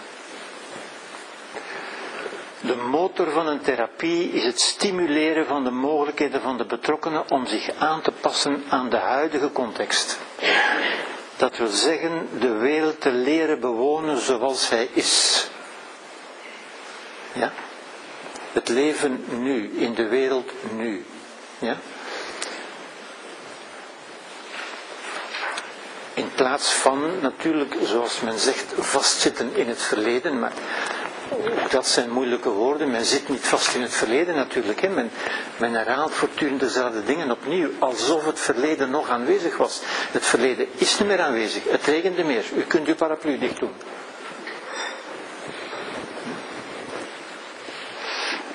Goethe zei, behandel iemand niet zoals hij is, maar zoals zij kan worden. Ja? Met andere woorden, spreek mogelijkheden in mensen aan in plaats van, in plaats van altijd, en dat is natuurlijk zo, zo sympathiek en zo empathisch en zo warm van, van begrip te tonen. Ja? En begrip is natuurlijk belangrijk, maar met begrip alleen komt u niet veel verder. Ja? Het erkenning geven en het, en het, dat is allemaal goed, dat is allemaal fijn, maar dat schiet u niet veel mee op uiteindelijk. Ja? U hebt behoefte aan nieuwe ideeën, aan een andere manier van denken. Ja? En dat botst altijd een beetje met, met de manier die u dacht en die normaal was, uiteindelijk. Ja? Er zijn drie noodzakelijke ingrediënten die men ook vaak, die men bij echte trauma ook in drie fasen uh, ziet. Het eerste is het bedaren van het instinctieve brein. Ja? Die automatische fight, flight or freeze reactie, ja? moet u een beetje kunnen bedaren uiteindelijk. Ja? Dat wil zeggen, het geruststellen, het installeren, het stimuleren van het idee van vertrouwen en van relatieve veiligheid. Ja? U weet zo mensen die zeggen van nu weet ik dat de wereld gevaarlijk is. Ja? Nu weet ik dat alle honden gevaarlijk zijn. Dat is niet waar. Ja? Die mensen moeten terug gaan geloven van niet van alle honden zijn, van, van geen enkele hond is gevaarlijk, maar wel de meeste honden zijn, zijn betrouwbaar. Relatieve veiligheid, niet de illusie van absolute veiligheid. Ja? Mensen bij wie, bij wie ingebroken is, zeggen dan vaak van nu begrijp ik dat de wereld gevaarlijk is. Ja? En dan zeggen ze vaak, ik wil mij terug voelen zoals daarvoor. Nu, dat is het enige wat niet kan. U kunt dat niet ongedaan maken. U kunt niet terug in die, in die, die insouciance, die onschuld, die onwetendheid. Het gevoel van veiligheid, maar wel van relatieve veiligheid wat een volwassen idee is. Ja? U bent de kinderlijke illusie van veiligheid bent u kwijt. Maar u kunt wel een relatieve veiligheid. Ja? Kom er dadelijk op terug. Dat is voorzichtigheid in plaats van angst. Voorzichtigheid is een volwassen kwaliteit, angst is een kinderlijke kwaliteit. Ja? Voorzichtigheid is, is nadenken over de reële er zijn reële gevaren. Dat is niet de illusie van er is geen gevaar, alles zal goed gaan. Nee, er zijn gevaren. Vliegtuigen kunnen neerstorten, liften kunnen blokkeren, dat is allemaal waar. Maar nadenken over de reële risico's van het leven, in plaats van de ingebeelde, catastrofale ideeën die een kind heeft en die angst veroorzaken. Ja? Tweede het mobiliseren van het nieuwe brein. En dat wil zeggen het, het verteren, het aanvaarden, het metaboliseren, het integreren van het trauma in een zinvol, coherent narratief. Ja? U weet nog, het narratief, dat is uw filosofie. Dat is uw manier van kijken naar de wereld. Ja? Wat mensen ook zeggen, en dat is, ook dat is een metafoor, maar het is een goede metafoor, denk ik. Dat wil zeggen dat een plaats geven. Het is zo'n cliché, maar toch zegt dat iets. Hè? Dat een plaats geven in uw leven, in uw leven, dat wil zeggen in het verhaal van uw leven. Uw leven is een verhaal uiteindelijk.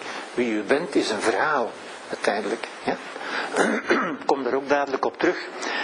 Dat is ten eerste er zijn twee benaderingen, die ga ik allebei bespreken. Een cognitieve benadering en een somatische. U zult dadelijk beter begrijpen wat dat betekent. Ja. En het derde punt is de integratie in de samenleving. En dat is mensen terug leren van zich goed te voelen in de samenleving. Omdat die mensen zich vaak geïsoleerd voelen. Zo apart. Ja? Het idee van niemand kan dat begrijpen. Ja? Dat is waar. Niemand kan u begrijpen. Ook dat moeten we aanvaarden. Maar dat wil niet zeggen dat u geen plaats meer hebt in de samenleving natuurlijk. Ja. Goed, nu ik ga het alleen over het punt 2 hebben, omdat 1 en, en 3 uiteindelijk gewone eh, dingen zijn die eigenlijk in elke therapie een beetje voorkomen. Ik wil het meer specifiek over het punt 2 hebben, omdat dat het typische is voor een trauma, zou ik zeggen. Ja? Dus het integreren van het trauma. Ja? En het punt 1 is de cognitieve benadering. En de cognitieve benadering is de constructie van een zinvol, coherent verhaal of narratief. Ja? Kort gezegd gaat dat een beetje in tegen wat vele mensen zeggen van nu dat gebeurd is, heeft mijn leven geen zin meer. Of heeft het leven geen zin meer. Ja? Dat is een, dat is een intuïtief narratief dat geen, geen steek houdt. Natuurlijk heeft het leven nog zin. Ja? Ook dat is een beetje een, een zwart-wit reactie. Ja? Nu begrijp ik dat het leven zinloos is. Ja? Nee, het leven, ook dat is weer, het leven is niet veranderd. Het leven heeft nog altijd evenveel zin als daarvoor. Het leven zelf is niet veranderd. U hebt met iets kennis gemaakt. Ja? En daar opnieuw een, een zinvol. Ja? U weet de vraag of het leven zinvol is of zinloos is. Uiteindelijk is dat de depressie. Ja, iemand die in depressie, die zegt het leven, niks heeft nog zin. Ja? Voor iemand die enthousiast is, heeft alles zin. Wat is het verschil? Heeft het leven zin of heeft het geen zin? Ziet u, die realiteit, die kennen we weer niet. Daar kunnen we eindeloos over discussiëren. Ja? Ik zou zeggen, het leven heeft voor u zin als u een zinvol verhaal kunt bedenken. Kunt geloven. Ja? Dat is uiteindelijk wat religie doet. Religie geeft u een zinvol verhaal. Bedenk het verhaal wat ik u straks verteld heb van die jongen. Ja? Die had een zinvol verhaal waarin wat gebeurde een plaats had. En dus is dat aanvaardbaar. En dus heeft het leven een zin. Ja? Als u zon, zonder zo'n zinvol verhaal lijkt het leven zinloos. Is het leven zinloos? Dat weten we niet. Daar kunnen we eindeloos over discussiëren. Ja? Het enige wat we kunnen zeggen is, u hebt er geen zinvol verhaal van gemaakt. Ja? En het was natuurlijk,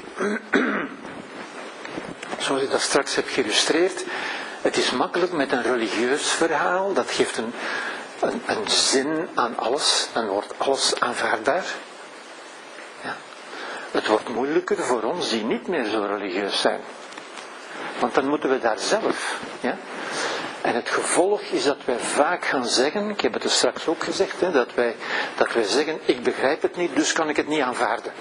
Lijden. Niet aanvaarden is lijden. Ja? Als u alleen maar kunt aanvaarden wat u kunt begrijpen, dan is er veel wat u niet kunt aanvaarden. Dan is er veel lijden. Natuurlijk. Ja? Ziet u, het gaat over dat narratief, over die filosofie, als u wil. Ja? Die manier van kijken. Niet over het leven als dusdanig, daar kunnen wij niet over oordelen. Wie, kan, wie heeft zo'n zo'n zo'n globaal groot zicht dat hij het leven kan beoordelen? Ja? Ja? Dus dat is de constructie, het, het opbouwen, het weer, weer bedenken van een zinvol, coherent verhaal of, of narratief. Een filosofie dus. Een theorie dus. Ja? Een theorie die u kunt meenemen. Ja? En dat is uiteindelijk wat ik u hier ook toon. Ik toon u ook, ik geef u ook een verhaal. Ja? Ik wil u daarmee niet overtuigen. Ja?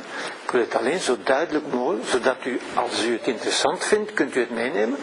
Als u het niet interessant vindt, laat u het waar het is. Ja? Goed, in de plaats van een geïsoleerde herinnering aan een uitzonderlijke en verstorende gebeurtenis. En dat is het vaak. Ja?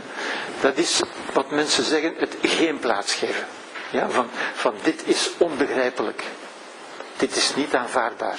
Dat blijft een geïsoleerd gebeuren dat geen plaats heeft in een zinvol narratief over het leven. Ja, ben ik daar, ben ik daar duidelijk in? Zolang u dat niet kunt, blijft dat een traumatische gebeurtenis. Dat is ook vaak wanneer mensen zeggen, uh, ik wil er niet aan denken, ik probeer het te vergeten. Dat zijn dingen die niet gaan. U kunt niet beletten dat u eraan denkt. U kunt het niet vergeten. Ja? U kunt het alleen opnemen in een zinvol narratief. Ja? De huidige wereld begrijpen en beslissen deze te bewonen. Ja? De huidige wereld is niet ideaal. Ja? Het enige wat u kwijt bent, de wereld is niet veranderd. U bent veranderd. U, hebt, u bent uw kinderlijke illusies kwijt. Ja? Maar het is de wereld zien zoals ze is. Of zo goed mogelijk, zou ik zeggen. En besluiten van dat is toch de wereld waar ik ga in leven. Dat is de wereld zoals ze nu is. Dit is er niet meer, dat is er niet meer, dat geloof ik niet meer. Ja? Maar ik kan toch leven in de wereld zoals ze nu is. Ja? Aanvaarden, dat wil niet zeggen goedkeuren, het is niet goedkeuren, ja? maar het aanvaarden. Ja? Van het onaanvaardbare, het ondenkbare bedenken, het onvoorzienbare voorzien. Dus dat wat daarvoor ondenkbaar was, ja, aannemen van ja, het is zo. Er zijn zo'n mensen. Ja? Wil dat zeggen dat alle mensen slecht zijn? Dat de mens slecht is? Nu heb ik begrepen dat de mens slecht is? Nee. Er zijn mensen die dat soort dingen doen. Er zijn honden die bijten. Ja? En daar op een of andere manier vrede mee maken. Ja? Dat is niet goed en dat is niet slecht, dat is hoe de wereld is. Ja? De wereld is niet veranderd, u bent niet veranderd, alleen uw kijk, uw theorie is veranderd. Ja? En dat is de werkelijke, de verwerking uiteindelijk, hè? is van uw theorie, uw kijk op de wereld aan te passen. Ja? De feiten gaan niet veranderen, de wereld zal niet veranderen, u bent niet veranderd, wat verandert is uw kijk, uw verhaal over de wereld. Ja? En dat is uiteindelijk, komt dat neer op een overgaan van een kinderlijke kijk, waarin alleen mag gebeuren wat u gevraagd hebt, naar een volwassen kijk. Dat wil zeggen, er gebeuren dingen waar ik niet om gevraagd heb. Niet iedereen is met mij bezig. Ja? Mensen zijn niet bezig met mij goed te doen voelen. Daar zijn mensen niet voor op de wereld gekomen. Ja? Verlies. Er was geen verlies. Ja. Er was geen verlies. Ja. Ik zeg soms tegen mensen. Ik ben met, ik heb het vorige week ook gezegd, denk ik, ik ben met helemaal niets ter wereld gekomen. En het meeste daarvan heb ik nog. Wat zou u kunnen verliezen? Je kunt alleen, ja, uw illusies inderdaad, hè, maar die bent u beter kwijt dan rijk. Hè? Ja. U kunt alleen maar dingen verliezen die u ooit gekregen hebt. Ja? En dus u kunt uw aandacht richten op wat er niet meer is, of u kunt uw aandacht richten op wat u gekregen hebt. Hè? Die, die jongen waar ik het al straks over had, die zei ik ben blij dat ik mijn moeder heb mogen kennen. Ja? Ze heeft mij zoveel bijgebracht. Ziet u, u kunt blij zijn met wat u gekregen hebt. Het, het, is een kinderlijk idee van dat is van mij, dat mogen ze me niet meer afpakken en dat soort dingen. Ja? Misschien is het toch als dan is dat toch een kind. Mm -hmm. uh, is toch iets wat je beschouwt als een stukje van jezelf. Ja, kijk, dat is, dat is, als u dat verhaal doet, hè, dan wordt het anders. Ja? Als u, u zegt terecht, als u het zo beschouwt, dat is uw kijk. Ja? Maar als u zegt dat kind, u hebt dat toch niet gemaakt? Nee? Nee? Het is in u gemaakt. Het is door u in het leven gekomen, maar u hebt dat niet gemaakt. Maar ziet u, als u het zo ziet, Als u het zo ziet, dan wordt het een lijden. U kunt het ook anders zien en dan is er geen lijden meer. Ja? U, hebt, de kans gehad van dat leven door u mee te delen aan het leven, bijvoorbeeld, zou u kunnen zeggen. Ja? Ziet u hoe, hoe, belangrijk het is welk verhaal we vertellen over de dingen uiteindelijk. Ja. En dat is ook het enige wat kan veranderen. De feiten zelf kunnen niet veranderen. Ja. Beschadiging, er was geen beschadiging. U bent niet beschadigd, u bent niet gekwetst, u bent niet gewond. Ja. Ook dat zijn verhalen. Als u die gelooft, hebben die gevolgen. Natuurlijk. Ja, u bent vrij om te geloven wat u wil, maar u bent niet vrij van de gevolgen van wat u gelooft. Goed. Het rouwen ja, wat men zo belangrijk vindt, het rouwproces, dat moet zijn tijd hebben en zo verder. Nu, dat is alleen maar, dat is geen genezing, geen herstel en geen heropbouw, want er is niks afgebroken, je moet niks heropbouwen. Ja. Rouwen is ook niet goed praten of vergeten, maar is het vervangen van de band van lijden door een band van aanvaarding, menselijkheid, mededogen en liefde. En ziet u, nu kom ik terug op de vraag die, die u daar straks stelde. Ja? Mensen houden inderdaad vaak vast aan hun lijden, omdat zij dat zien, en dat is weer hun theorie, hè, hun manier van kijken, hè, omdat ze dat zien als de enige band die hen nog bindt aan de overlevenden. Ze, ze beschouwen dat als een soort van trouw, als een soort van loyaliteit. Ja? En ze denken ook van als ik er niet om lijdt, is het teken dat ik er niet om gegeven heb. Ja? Ook dat zijn ideeën, verhalen die eronder doen. Als u dat gelooft, ja, nogmaals, u bent vrij om te geloven wat u wil, heeft dat gevolgen natuurlijk. Ja? Maar ik zeg altijd, het is, het is het vervangen van de band van lijden door een band van liefde. Ja? Zoals die jongen eigenlijk heel spontaan zei, mijn moeder is een fantastische vrouw geweest, ik ben blij dat ik die gekend heb. Ja, ziet u, dat is een band van liefde. Het gaat niet om het vergeten, maar het gaat om er op een andere manier aan terugdenken, met dankbaarheid. In plaats van met lijden. Ja? En dat is eigenlijk liefde, want liefde is toch aanwezig zijn bij de ander. Lijden is aanwezig zijn bij jezelf. Lijden gaat over ik, ik, ik. Ja? Ik mis dat, ik, ik heb tekort gedaan en, en zo verder. Ik, ik, ik. Ja? Lijden is met uw aandacht bij de ander, eh, liefde is met uw aandacht bij de ander zijn. Ja? Dus het gaat er niet om van dat te vergeten, maar het gaat, het gaat erom van die band. Ook een band is natuurlijk een metafoor. Hè? Is er een band? Ook dat is een manier van denken natuurlijk. Hè? Ja? Maar goed, we kunnen niet anders dan met dat soort woorden denken, dat soort metaforen, maar het vervangen van de, de band van lijden, ja, door een band van liefde. Ja?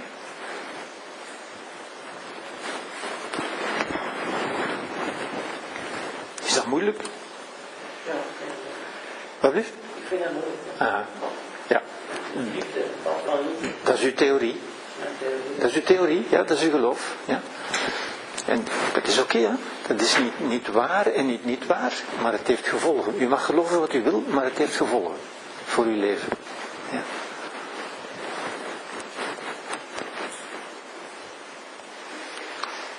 Dus is het wel zo, hetgeen dat je verleden week zegde, dat dat gezegd tegen u zelf ja, is heel belangrijk. absoluut, absoluut, absoluut, absoluut, ja. Want daarmee creëert u uw realiteit, uw ervaring dus. Ja, dat is uw echte realiteit, van ons allemaal, hè. Dus, ja. Dus we zijn daarin vrij, we mogen geloven wat we willen, maar we moeten alleen, we moeten dat niet, maar het feit is dat wat we geloven heeft gevolgen voor ons leven, voor ons zijn, voor onze existentie.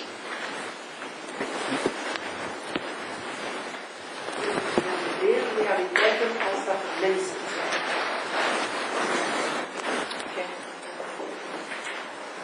Oké. Voor elke mens heeft zijn realiteit, inderdaad, hè, maar er is waarschijnlijk, er is waarschijnlijk de realiteit, maar die kent niemand. Hè? Maar ieder heeft zijn, zijn afbeelding, zijn voorstelling. Een kunstwerk, een schilderij van de realiteit. Ja? Vandaar dat mensen verschillend reageren op eenzelfde realiteit. Ja? Omdat ze zich een andere interne realiteit vormen. Hun interne context is anders. Ja? Ik denk dat we ook een cultuur komen waar het geloof in lijden is beter dan gelukgevoel. Is beter. Is, ja, ik denk dat, we, Ja. dat er weinig eh, in de opvoeding wordt gezegd van ik geloof dat dat op je goed gevoel geeft. Mhm. Beter een cultuur dan van, van goed van-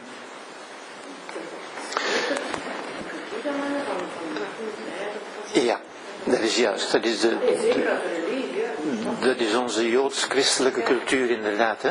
Waar het lijden, lijden lijkt diepzinnig. Ja, ik heb het vorige week eh, banaal genoemd. ja.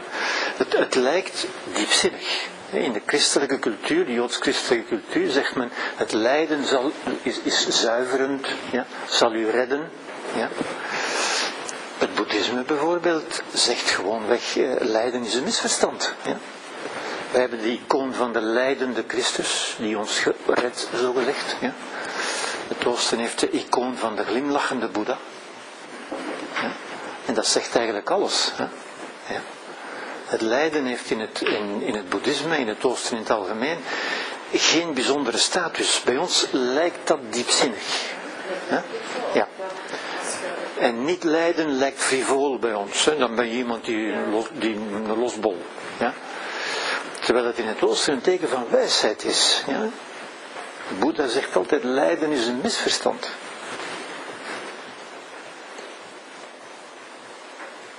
Toch leven wij nu in ja, mensen van 100, 200 jaar geleden, die leven 30 jaar. Mhm. Kinderen stierven met Ja. vlees. Ja. Het best was het. Ja. Dus om dat lijden te, ja, daar met dat lijden om te gaan, werd het ook meer eh, in het middelpunt gesteld, denk ik. En was die lijdende Christus zoiets van, ja, leren accepteren. dat Ja, door ook ja. dat- Dat was een zinvol verhaal, een zingevend verhaal, inderdaad. En daardoor wordt het aanvaardbaar. Terwijl wij dat niet meer hebben, wij zien dat als een aanval op ons persoonlijke welzijn. Ze hebben hem mij afgepakt. Ja. Waardoor het voor ons onaanvaardbaar wordt natuurlijk. Oké. En tot vrede komen. Ja, vrede is denk ik het sleutelwoord daarin. Het gaat niet over goed praten of over vergeten, maar er vrede mee maken. Ja? Dat wil zeggen, er niet langer tegen strijden of vechten, vrede mee maken. Het is gebeurd. Ja? Ik denk vrede is een, een sleutelwoordje daarin. Alle lijden is, is, is verzet, is niet aanvaarden, is, is vechten, is strijden. Ja?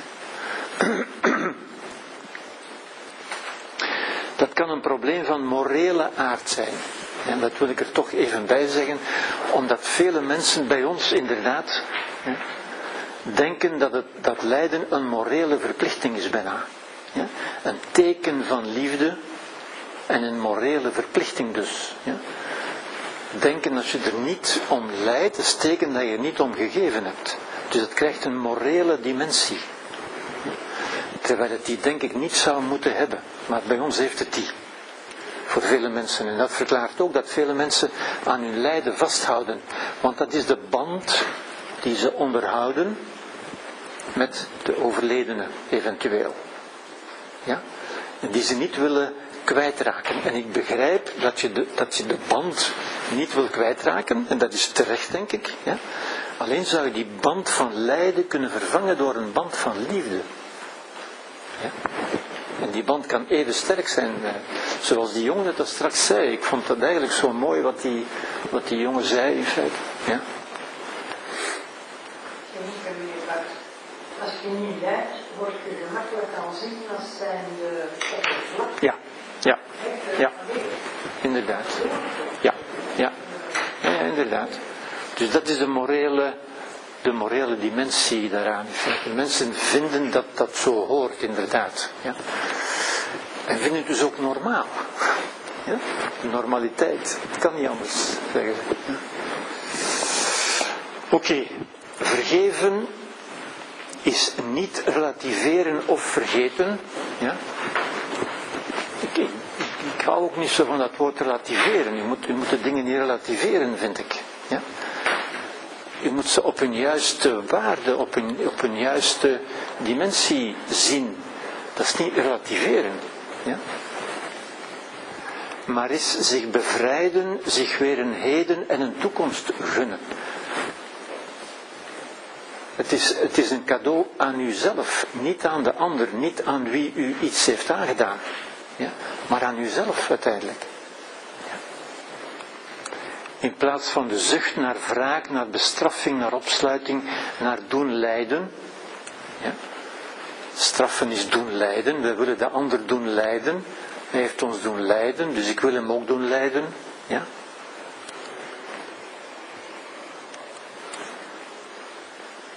Het is vrede maken met het verleden, uiteindelijk. Ja.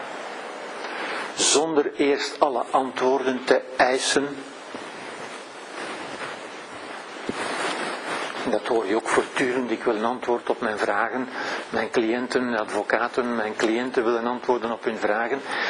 Op vele vragen zijn er geen antwoorden. Waarom moest mij dat overkomen? Daar is geen antwoord op. U kunt dat niet begrijpen. In vele gevallen is dat omdat u toevallig op die plaats was, op toevallig dat moment. Ja. Maar wij zien het als een aanval op ons welzijn. Ziet u, is weer het verhaal dat u erover vertelt, waardoor het aanvaardbaar kan zijn of niet aanvaardbaar. Om het heden niet langer te vergiftigen, en dankbaar te zijn voor de problemen die uw talenten en uw kracht hebben doen ontwaken. Ja? Zoals ik vorige week heb gezegd, het zijn eigenlijk allemaal gelegenheden om volwassener te worden, ja? Om onze kinderlijke illusies te leren zien en daar afscheid van te nemen.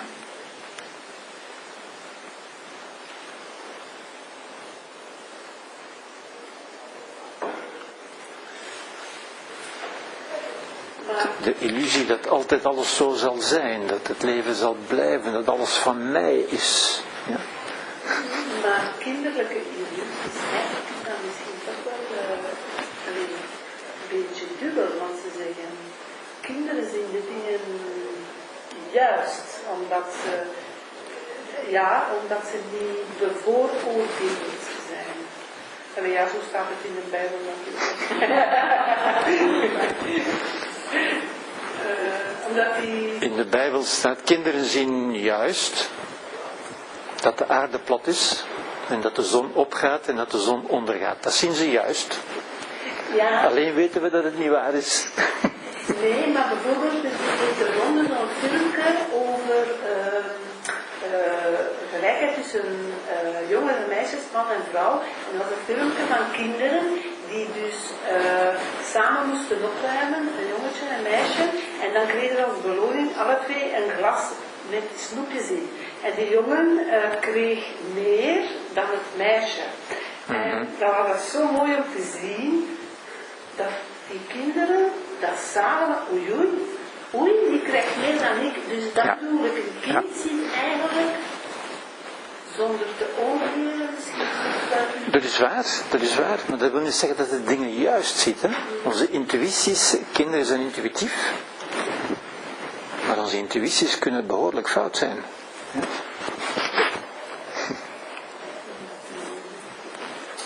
Ja, door, door de. Absoluut, absoluut. Ja, ja. Kinderen leven in een andere soort realiteit natuurlijk, die inderdaad op hun overleving gericht is. Oké, Eh, Byron Katie zegt daarover, ik weet niet of u Byron Katie kent, eh, ja, ja. Onmiddellijke toepassing daarvan, hè. ze zegt eigenlijk letterlijk, hè. wie ben je als je dit verhaal gelooft? Dus Byron Katie zegt, zegt rechtstreeks, ja, uw ervaring is het gevolg van de verhalen die u vertelt. Ja. En wie zou je zijn met een ander verhaal? Ja? Kan eigenlijk niet, niet duidelijker in feite. Ja? Ingeborg Bosch, die u misschien kent, die die methode heeft van PRI, Past Reality Integration. Ja? Nu, dat is juist hetzelfde natuurlijk. Ja? Dat is niet proberen er niet aan te denken of te vermijden, maar er juist wel aan denken. Ja? En het op een volwassen manier opnieuw opslaan. Ja? Dat is één van de manieren om dat te doen. Ik kom daarop terug, want, want er zijn vele nog andere manieren voor, in ieder geval. Ja? Het, is, het is het erkennen van die realiteit. Ja, dat is gebeurd. Niet, ik wil er niet meer aan denken. Nee, ik wil er wel aan denken. Het is gebeurd. Het aanvaarden, er vrede mee maken. Ja? En het op die manier terug opslaan. In feite een, een belangrijk concept. Kom, kom er dadelijk op terug. Ja. Um, ja, hier ga ik een beetje door, want dit gaat ons te ver leiden.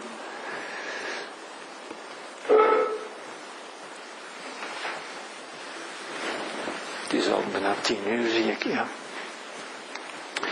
Als we het over de, de tweede benadering is de somatische benadering. Ja. En de somatische benadering is toch ook belangrijk, en dat is wat mensen vaak zeggen, wat ze mensen bedoelen met het lichaam. Ja? Ze zeggen vaak wel, ja maar dat is ook bij een fobie zo, hè. ik weet dat wel, maar mijn lichaam weet dat niet, zeggen ze dan. Nu dat is natuurlijk niet het lichaam, dat is gewoon het oude brein. Ook dat zit in ons brein natuurlijk. Ja. Dat wat men denkt dat het lichaam is, ja, is ook het brein natuurlijk. Ja. De somatische benadering bestaat eruit van ik vergelijk het vaak met leren fietsen. Ja? Je kunt over fietsen een boek lezen, maar dan kunt u nog altijd niet fietsen. Je kunt alleen maar leren fietsen door het te doen. Ja? En dat is ook zo voor het somatische dimensie, het lichaam, zoals de mensen zeggen, het oude brein dus, uiteindelijk. Ja? Leert alleen door het te doen. Niet door het te zeggen. Ja? En dat is heel belangrijk natuurlijk, hè? want mensen zeggen terecht, ze zeggen, ik weet dat wel, dat wil zeggen, mijn hogere brein weet dat wel, maar mijn oude brein weet dat niet. En het oude brein is niet toegankelijk voor taal. En ook dat is een belangrijk concept. Ja?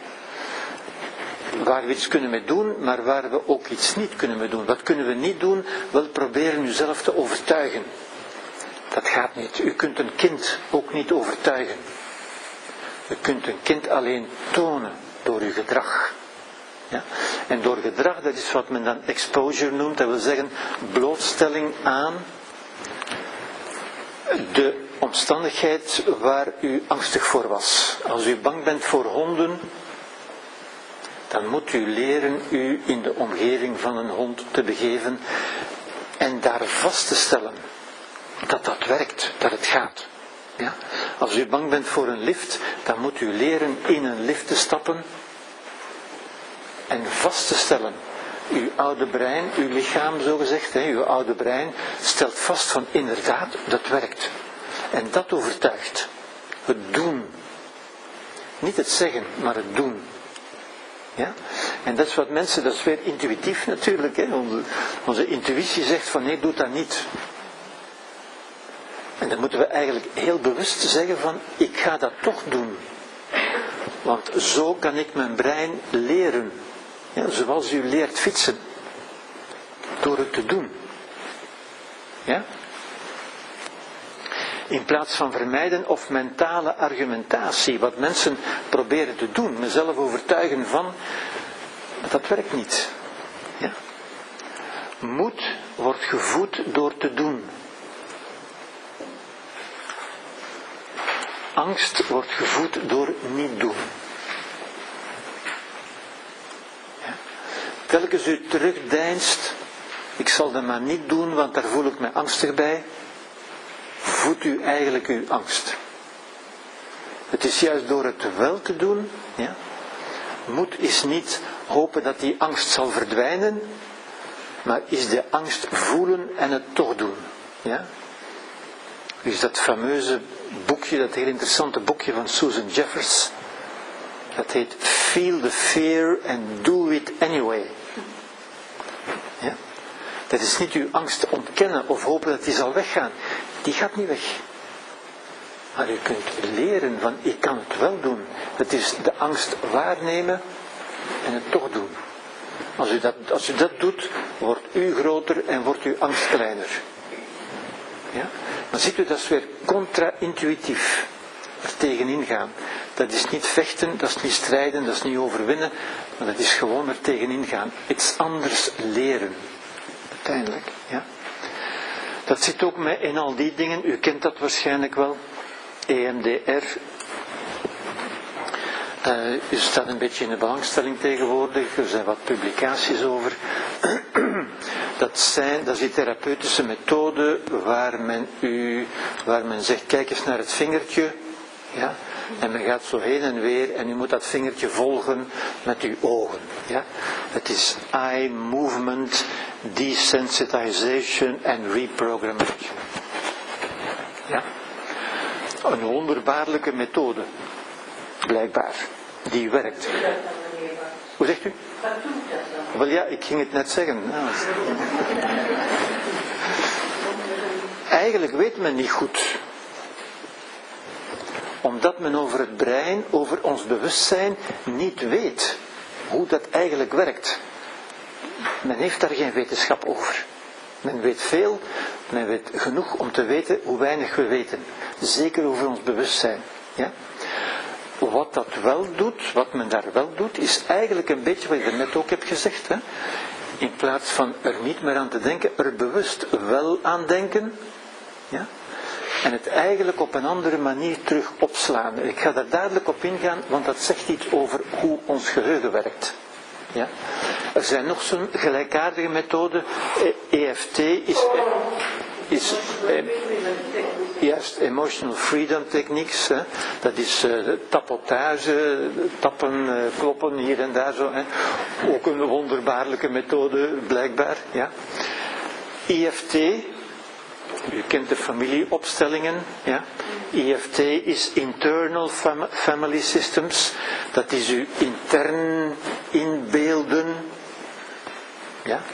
Eigenlijk ook ermee bezig zijn. Waar was mijn moeder toen? Waar stond mijn vader? Waar was mijn grootmoeder? Enzovoort. Ja? In plaats van dat letterlijk te gaan doen met mensen, zoals men dat doet in familieopstellingen. Ja? Dat is ook zo'n methode natuurlijk, de familieopstelling, dat is van, van Bert Hellinger uit 1990. Ja?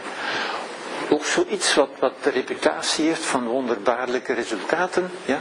Nu, uiteindelijk, dat is de laatste nieuwe, farmacologisch. Met propranolol.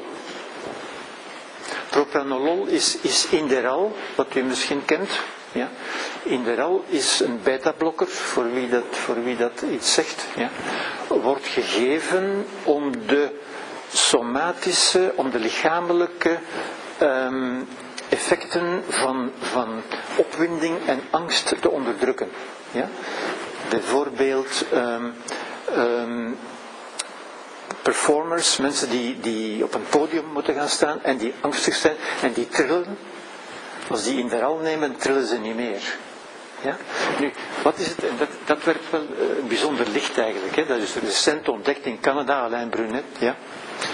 Is daar nu in Europa mee aan het rondgaan. Het bestaat eruit dat men die mensen vraagt, ja, mensen met ernstige trauma's, hè, van denk eens terug aan die oorlogssituatie, mensen die af, afschuwelijke dingen hebben gezien, uh, denk ook aan de genocides in, in Burundi en, dat soort dingen. Ja. Denk er eens aan terug, ja. En op dat moment geeft men die mensen in de rouw, ja, en wordt dat terug opgeslagen. Ja. Nu, dat zegt iets over hoe ons geheugen werkt, uiteindelijk. Vooral dat laatste. Ja? Wij denken vaak, en ook dat is weer een intuïtief idee natuurlijk, hè, dat ons, ons geheugen iets is als de harde schijf op een computer. Ja? Dat is daar opgeslagen, ik kan dat terug gaan ophalen en ik kan het terug opslaan. Zo werkt ons geheugen niet. Ja? Ons geheugen is verspreid over diverse delen van ons, van ons brein. En telkens we daaraan terugdenken, wordt dat bij elkaar genomen, wordt dat geherconstrueerd, gereconstrueerd. En telkens we het opslaan, wordt het eigenlijk opnieuw opgeslagen met de emotie van dat moment. En dat is belangrijk. Ja? Want als u het oproept en het terug opslaat op een moment dat u rustig bent, het zij door EMDR, het zij door EFT, het zij door propranolol, gaat u het op een andere manier opslaan. Ja? Ons geheugen is een beetje ehm, zoals de Chinese telefoon. U kent dat wel, hè, dat spelletje. Ja? Waar men aan mensen, een, een aantal mensen op een rij, en u moet dat doorzeggen zo. Ja?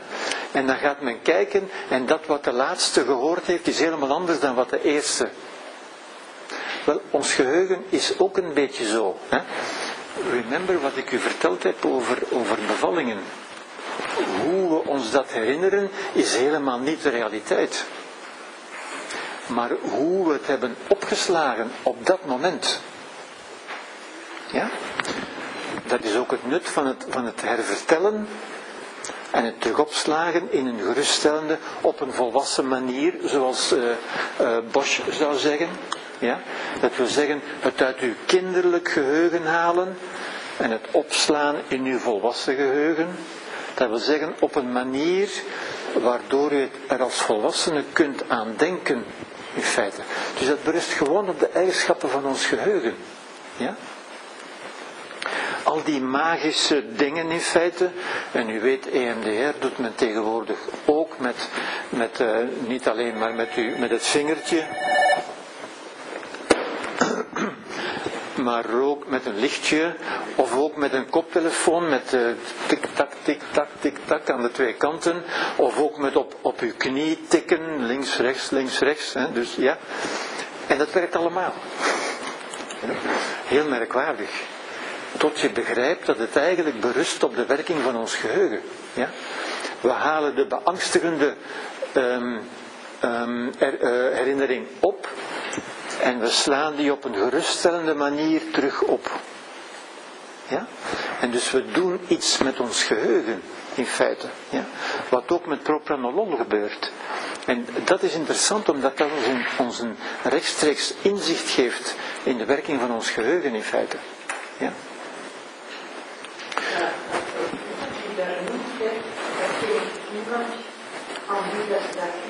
Ja, ja. Voordat je naar. Ja, inderdaad, inderdaad, inderdaad. Ja, ja, ja dat is inderdaad. Ja. ja, ja, inderdaad, inderdaad.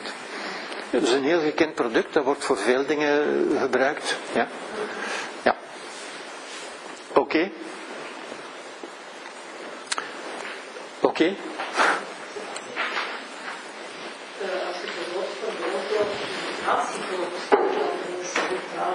Ja. Ja.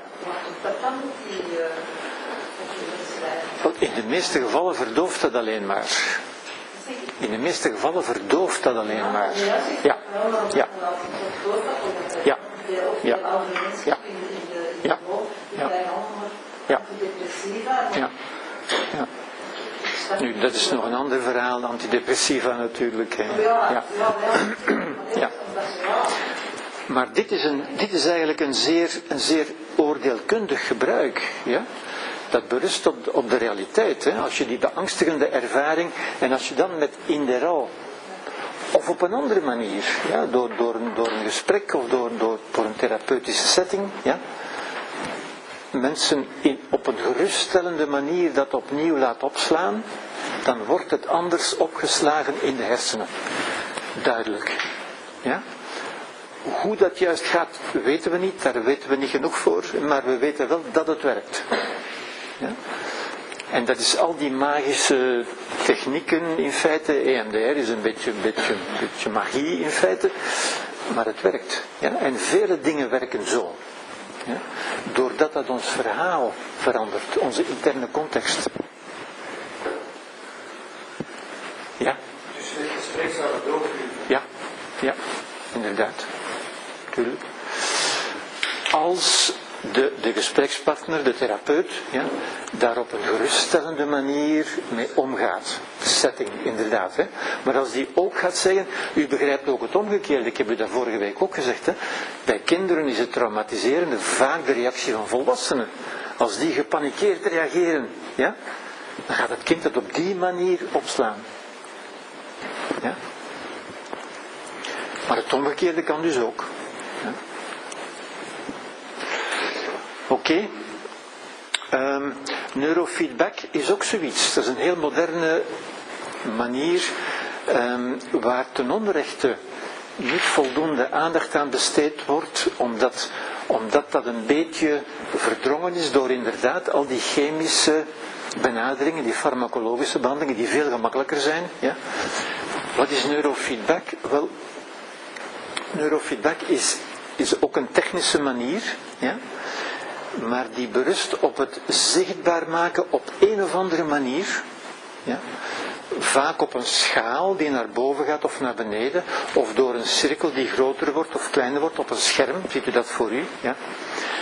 Um, en wat u een beeld geeft van uw hersenactiviteit. Ja? En dan zegt men u ook weer, denk eens terug aan die beangstigende ervaring. Ja? En word nu kalm. Creëer nu vrede in uzelf. En die vrede ziet u een beetje op het scherm voor u. Ja? En mensen leren op die manier, zonder dat men weet hoe dat gebeurt. En dat lijkt weer een beetje magisch natuurlijk, hè? Ja? maar wij kunnen dat. Ja? En ik heb u bijgezet, confer, vergelijk met een conversatie. Dat is iets wat we eigenlijk normaal al doen. Ja? En dat is weer zo interessant van, daar, van dat te bedenken in feite. Als u met iemand in gesprek bent, dan kijkt u naar het gezicht van uw gesprekspartner. Ja? En als die op een bepaald moment zo gaat doen, dan, dan, dan zegt u, oh, ik heb iets verkeerd gezegd. En u past zich aan. U past zich aan aan de reactie van uw gesprekspartner. Hoe doet u dat? Door iets aan uw brein te doen? Nee, door iets aan uw intentie, aan uw verhaal te doen. Dan zegt u, oei, ik ga iets geruststellend zeggen, want ik heb iets, ik heb iets beangstigend gezegd. Ja? Dat doet u ook met kinderen natuurlijk. U, u, u volgt hun reactie. Nu, dat is een concrete toepassing van neurofeedback. Ja? In plaats van het op een scherm te zien, ziet u het op het gelaat van uw gesprekspartner. Maar dat is eigenlijk hetzelfde. Ja? En dat toont alleen aan dat we ons brein kunnen beïnvloeden. Hoe beïnvloeden we dat? Door wat we onszelf vertellen. Ja? En dat wordt alleen technisch gemaakt door neurofeedback. En dat is een, een, een nieuwere methode, maar die eigenlijk al zeer oud is natuurlijk. Ja? En er zijn nu bepaalde centra die zich daarop toeleggen. Een interessante methode, ja? met veel minder bijwerking dan vele farmacologische methoden natuurlijk. Ja? Uh, theater is zo'n mogelijkheid natuurlijk. Psychodrama was ook zo'n mogelijkheid waar u uw gedrag eigenlijk aanpast aan de reactie die u in de buitenwereld veroorzaakt. Ja? Existentialisme, dat is dan een filosofische methode natuurlijk. Hè? Ja. Zegt de essentie van de mens is het resultaat van zijn existentie. Ja? Heel in het algemeen berust existentialisme erop dat u uw leven aanpast aan de omstandigheden die zich voordoen. En ook dat is eigenlijk een vorm van neurofeedback natuurlijk. Ja? Telkens als u zich aanpast, wat doet u dan? Wel, u past uw brein aan natuurlijk. Ja? U verandert niet de omstandigheden, maar u verandert iets aan uw brein. Ja? En we weten niet hoe we dat doen. We weten alleen dat we dat kunnen doen. We kunnen onszelf geruststellen, we kunnen vrede maken in onszelf. Ja? Hoe doen we dat? Ik zeg vaak tegen mensen. Dat zou je zeker kunnen, dat zou je zeker kunnen. Ja.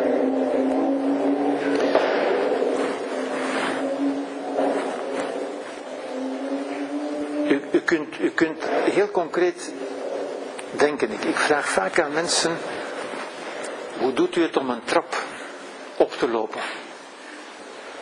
Ja? En als u zich afvraagt van hoe doet u dat eigenlijk? Wat- zegt u dan? Ja, ik doe dat gewoon. Ja? Ik doe dat gewoon. Zeg ik, hoe doet u dat om, uw benen? Hoe weet u welke spieren u moet stimuleren en welke zenuwen u moet prikkelen en zo? U weet dat niet, u doet dat gewoon. Ja? Wat doet u eigenlijk concreet? Ja? U zegt in uzelf, ik ga die trap oplopen en u rekent erop, u vertrouwt dat uw brein en uw lichaam het nodige zullen doen. Nu, dat is een fantastische vaststelling. Want dat betekent dat alleen al de gedachte zet uw hele lichaam, uw hele brein en uw hele lichaam in werking. En u vertrouwt daar gewoon op. Ja? Ja? Hoe doet u het om als u een zin uitspreekt om de woorden op de juiste plaats te zetten? Hoe doet u dat? Ja? Dat is, dat ook de vraag van de duizendpoot. Als men aan de duizendpoot vraagt van hoe, hoe doe je het om al je poten juist te zetten, dan raakt je volkomen in de war, want hij weet het niet.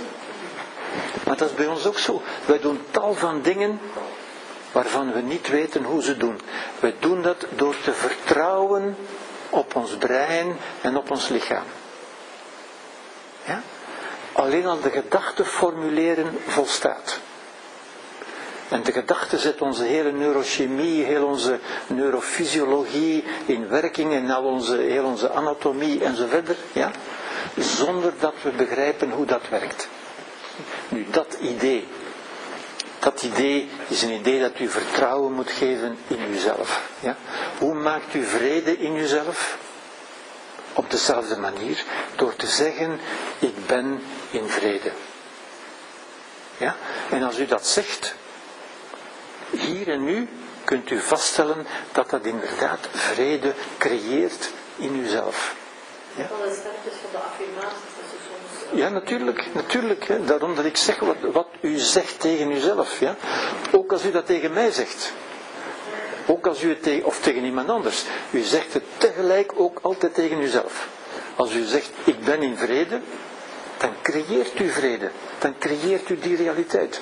Maar als u zegt, ik kan dat niet aanvaarden, dan creëert u die realiteit. Ja? U creëert voortdurend uw realiteit.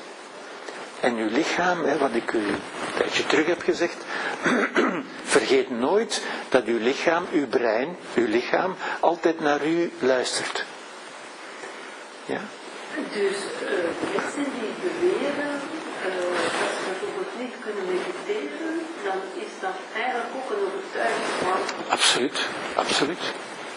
Absoluut. Maar als u dat blijft zeggen, mensen die zeggen ik kan niet stoppen met roken, bijvoorbeeld dat, die creëren door dat te zeggen. Ja? Hoe loopt u een trap op? U moet daar echt eens over nadenken. Hè? Ja?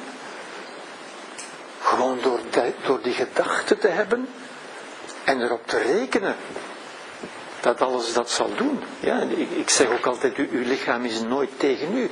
Uw lichaam probeert altijd, uw lichaam, uw brein dus, ja, probeert altijd te doen wat u vraagt. Uw lichaam is uw beste dienaar. Die is nooit tegen u.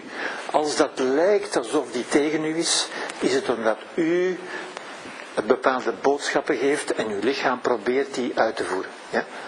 Als u beangstigende boodschappen geeft, is dat niet uw lichaam dat tegen u is. Dat is uw lichaam dat naar u luistert. Ja. Zo'n vak, hè, dat zou in video maken. ja, dan, zou dat al een deel verslaving of later een Ja, ja, natuurlijk. Dan, word je vanaf 12, 13 jaar. Ja, natuurlijk, ja, dat is waar, dat is waar, maar maar dat soort denken is in onze cultuur gewoon te weinig aanwezig. Dat soort, dat, dat, wat ik zou noemen vertrouwen. Hè. U kunt erop rekenen. Ja? Wat, men, wat ik dan zelfvertrouwen en wat mensen ook zo vaak zeggen tegenwoordig, van ik, ik mis zelfvertrouwen. U, u, u kunt geen zelfvertrouwen missen, u rekent er voortdurend op. Als u gewoon over straat loopt, hoe, hoe doet u dat om uw benen uh, in de juiste stand? Maar het kan misschien toch wel zijn dat u uw brein in de steek gaat. Ah, hebt u dat al meegemaakt? uh, ja, iets vergeet. Of als je, als je afwezig bent of uh, dus verstrooid bent. Maar dan is je brein met iets anders bezig. Je brein laat u nooit in de steek. In de steek laten, dat, wat zou dat kunnen zijn?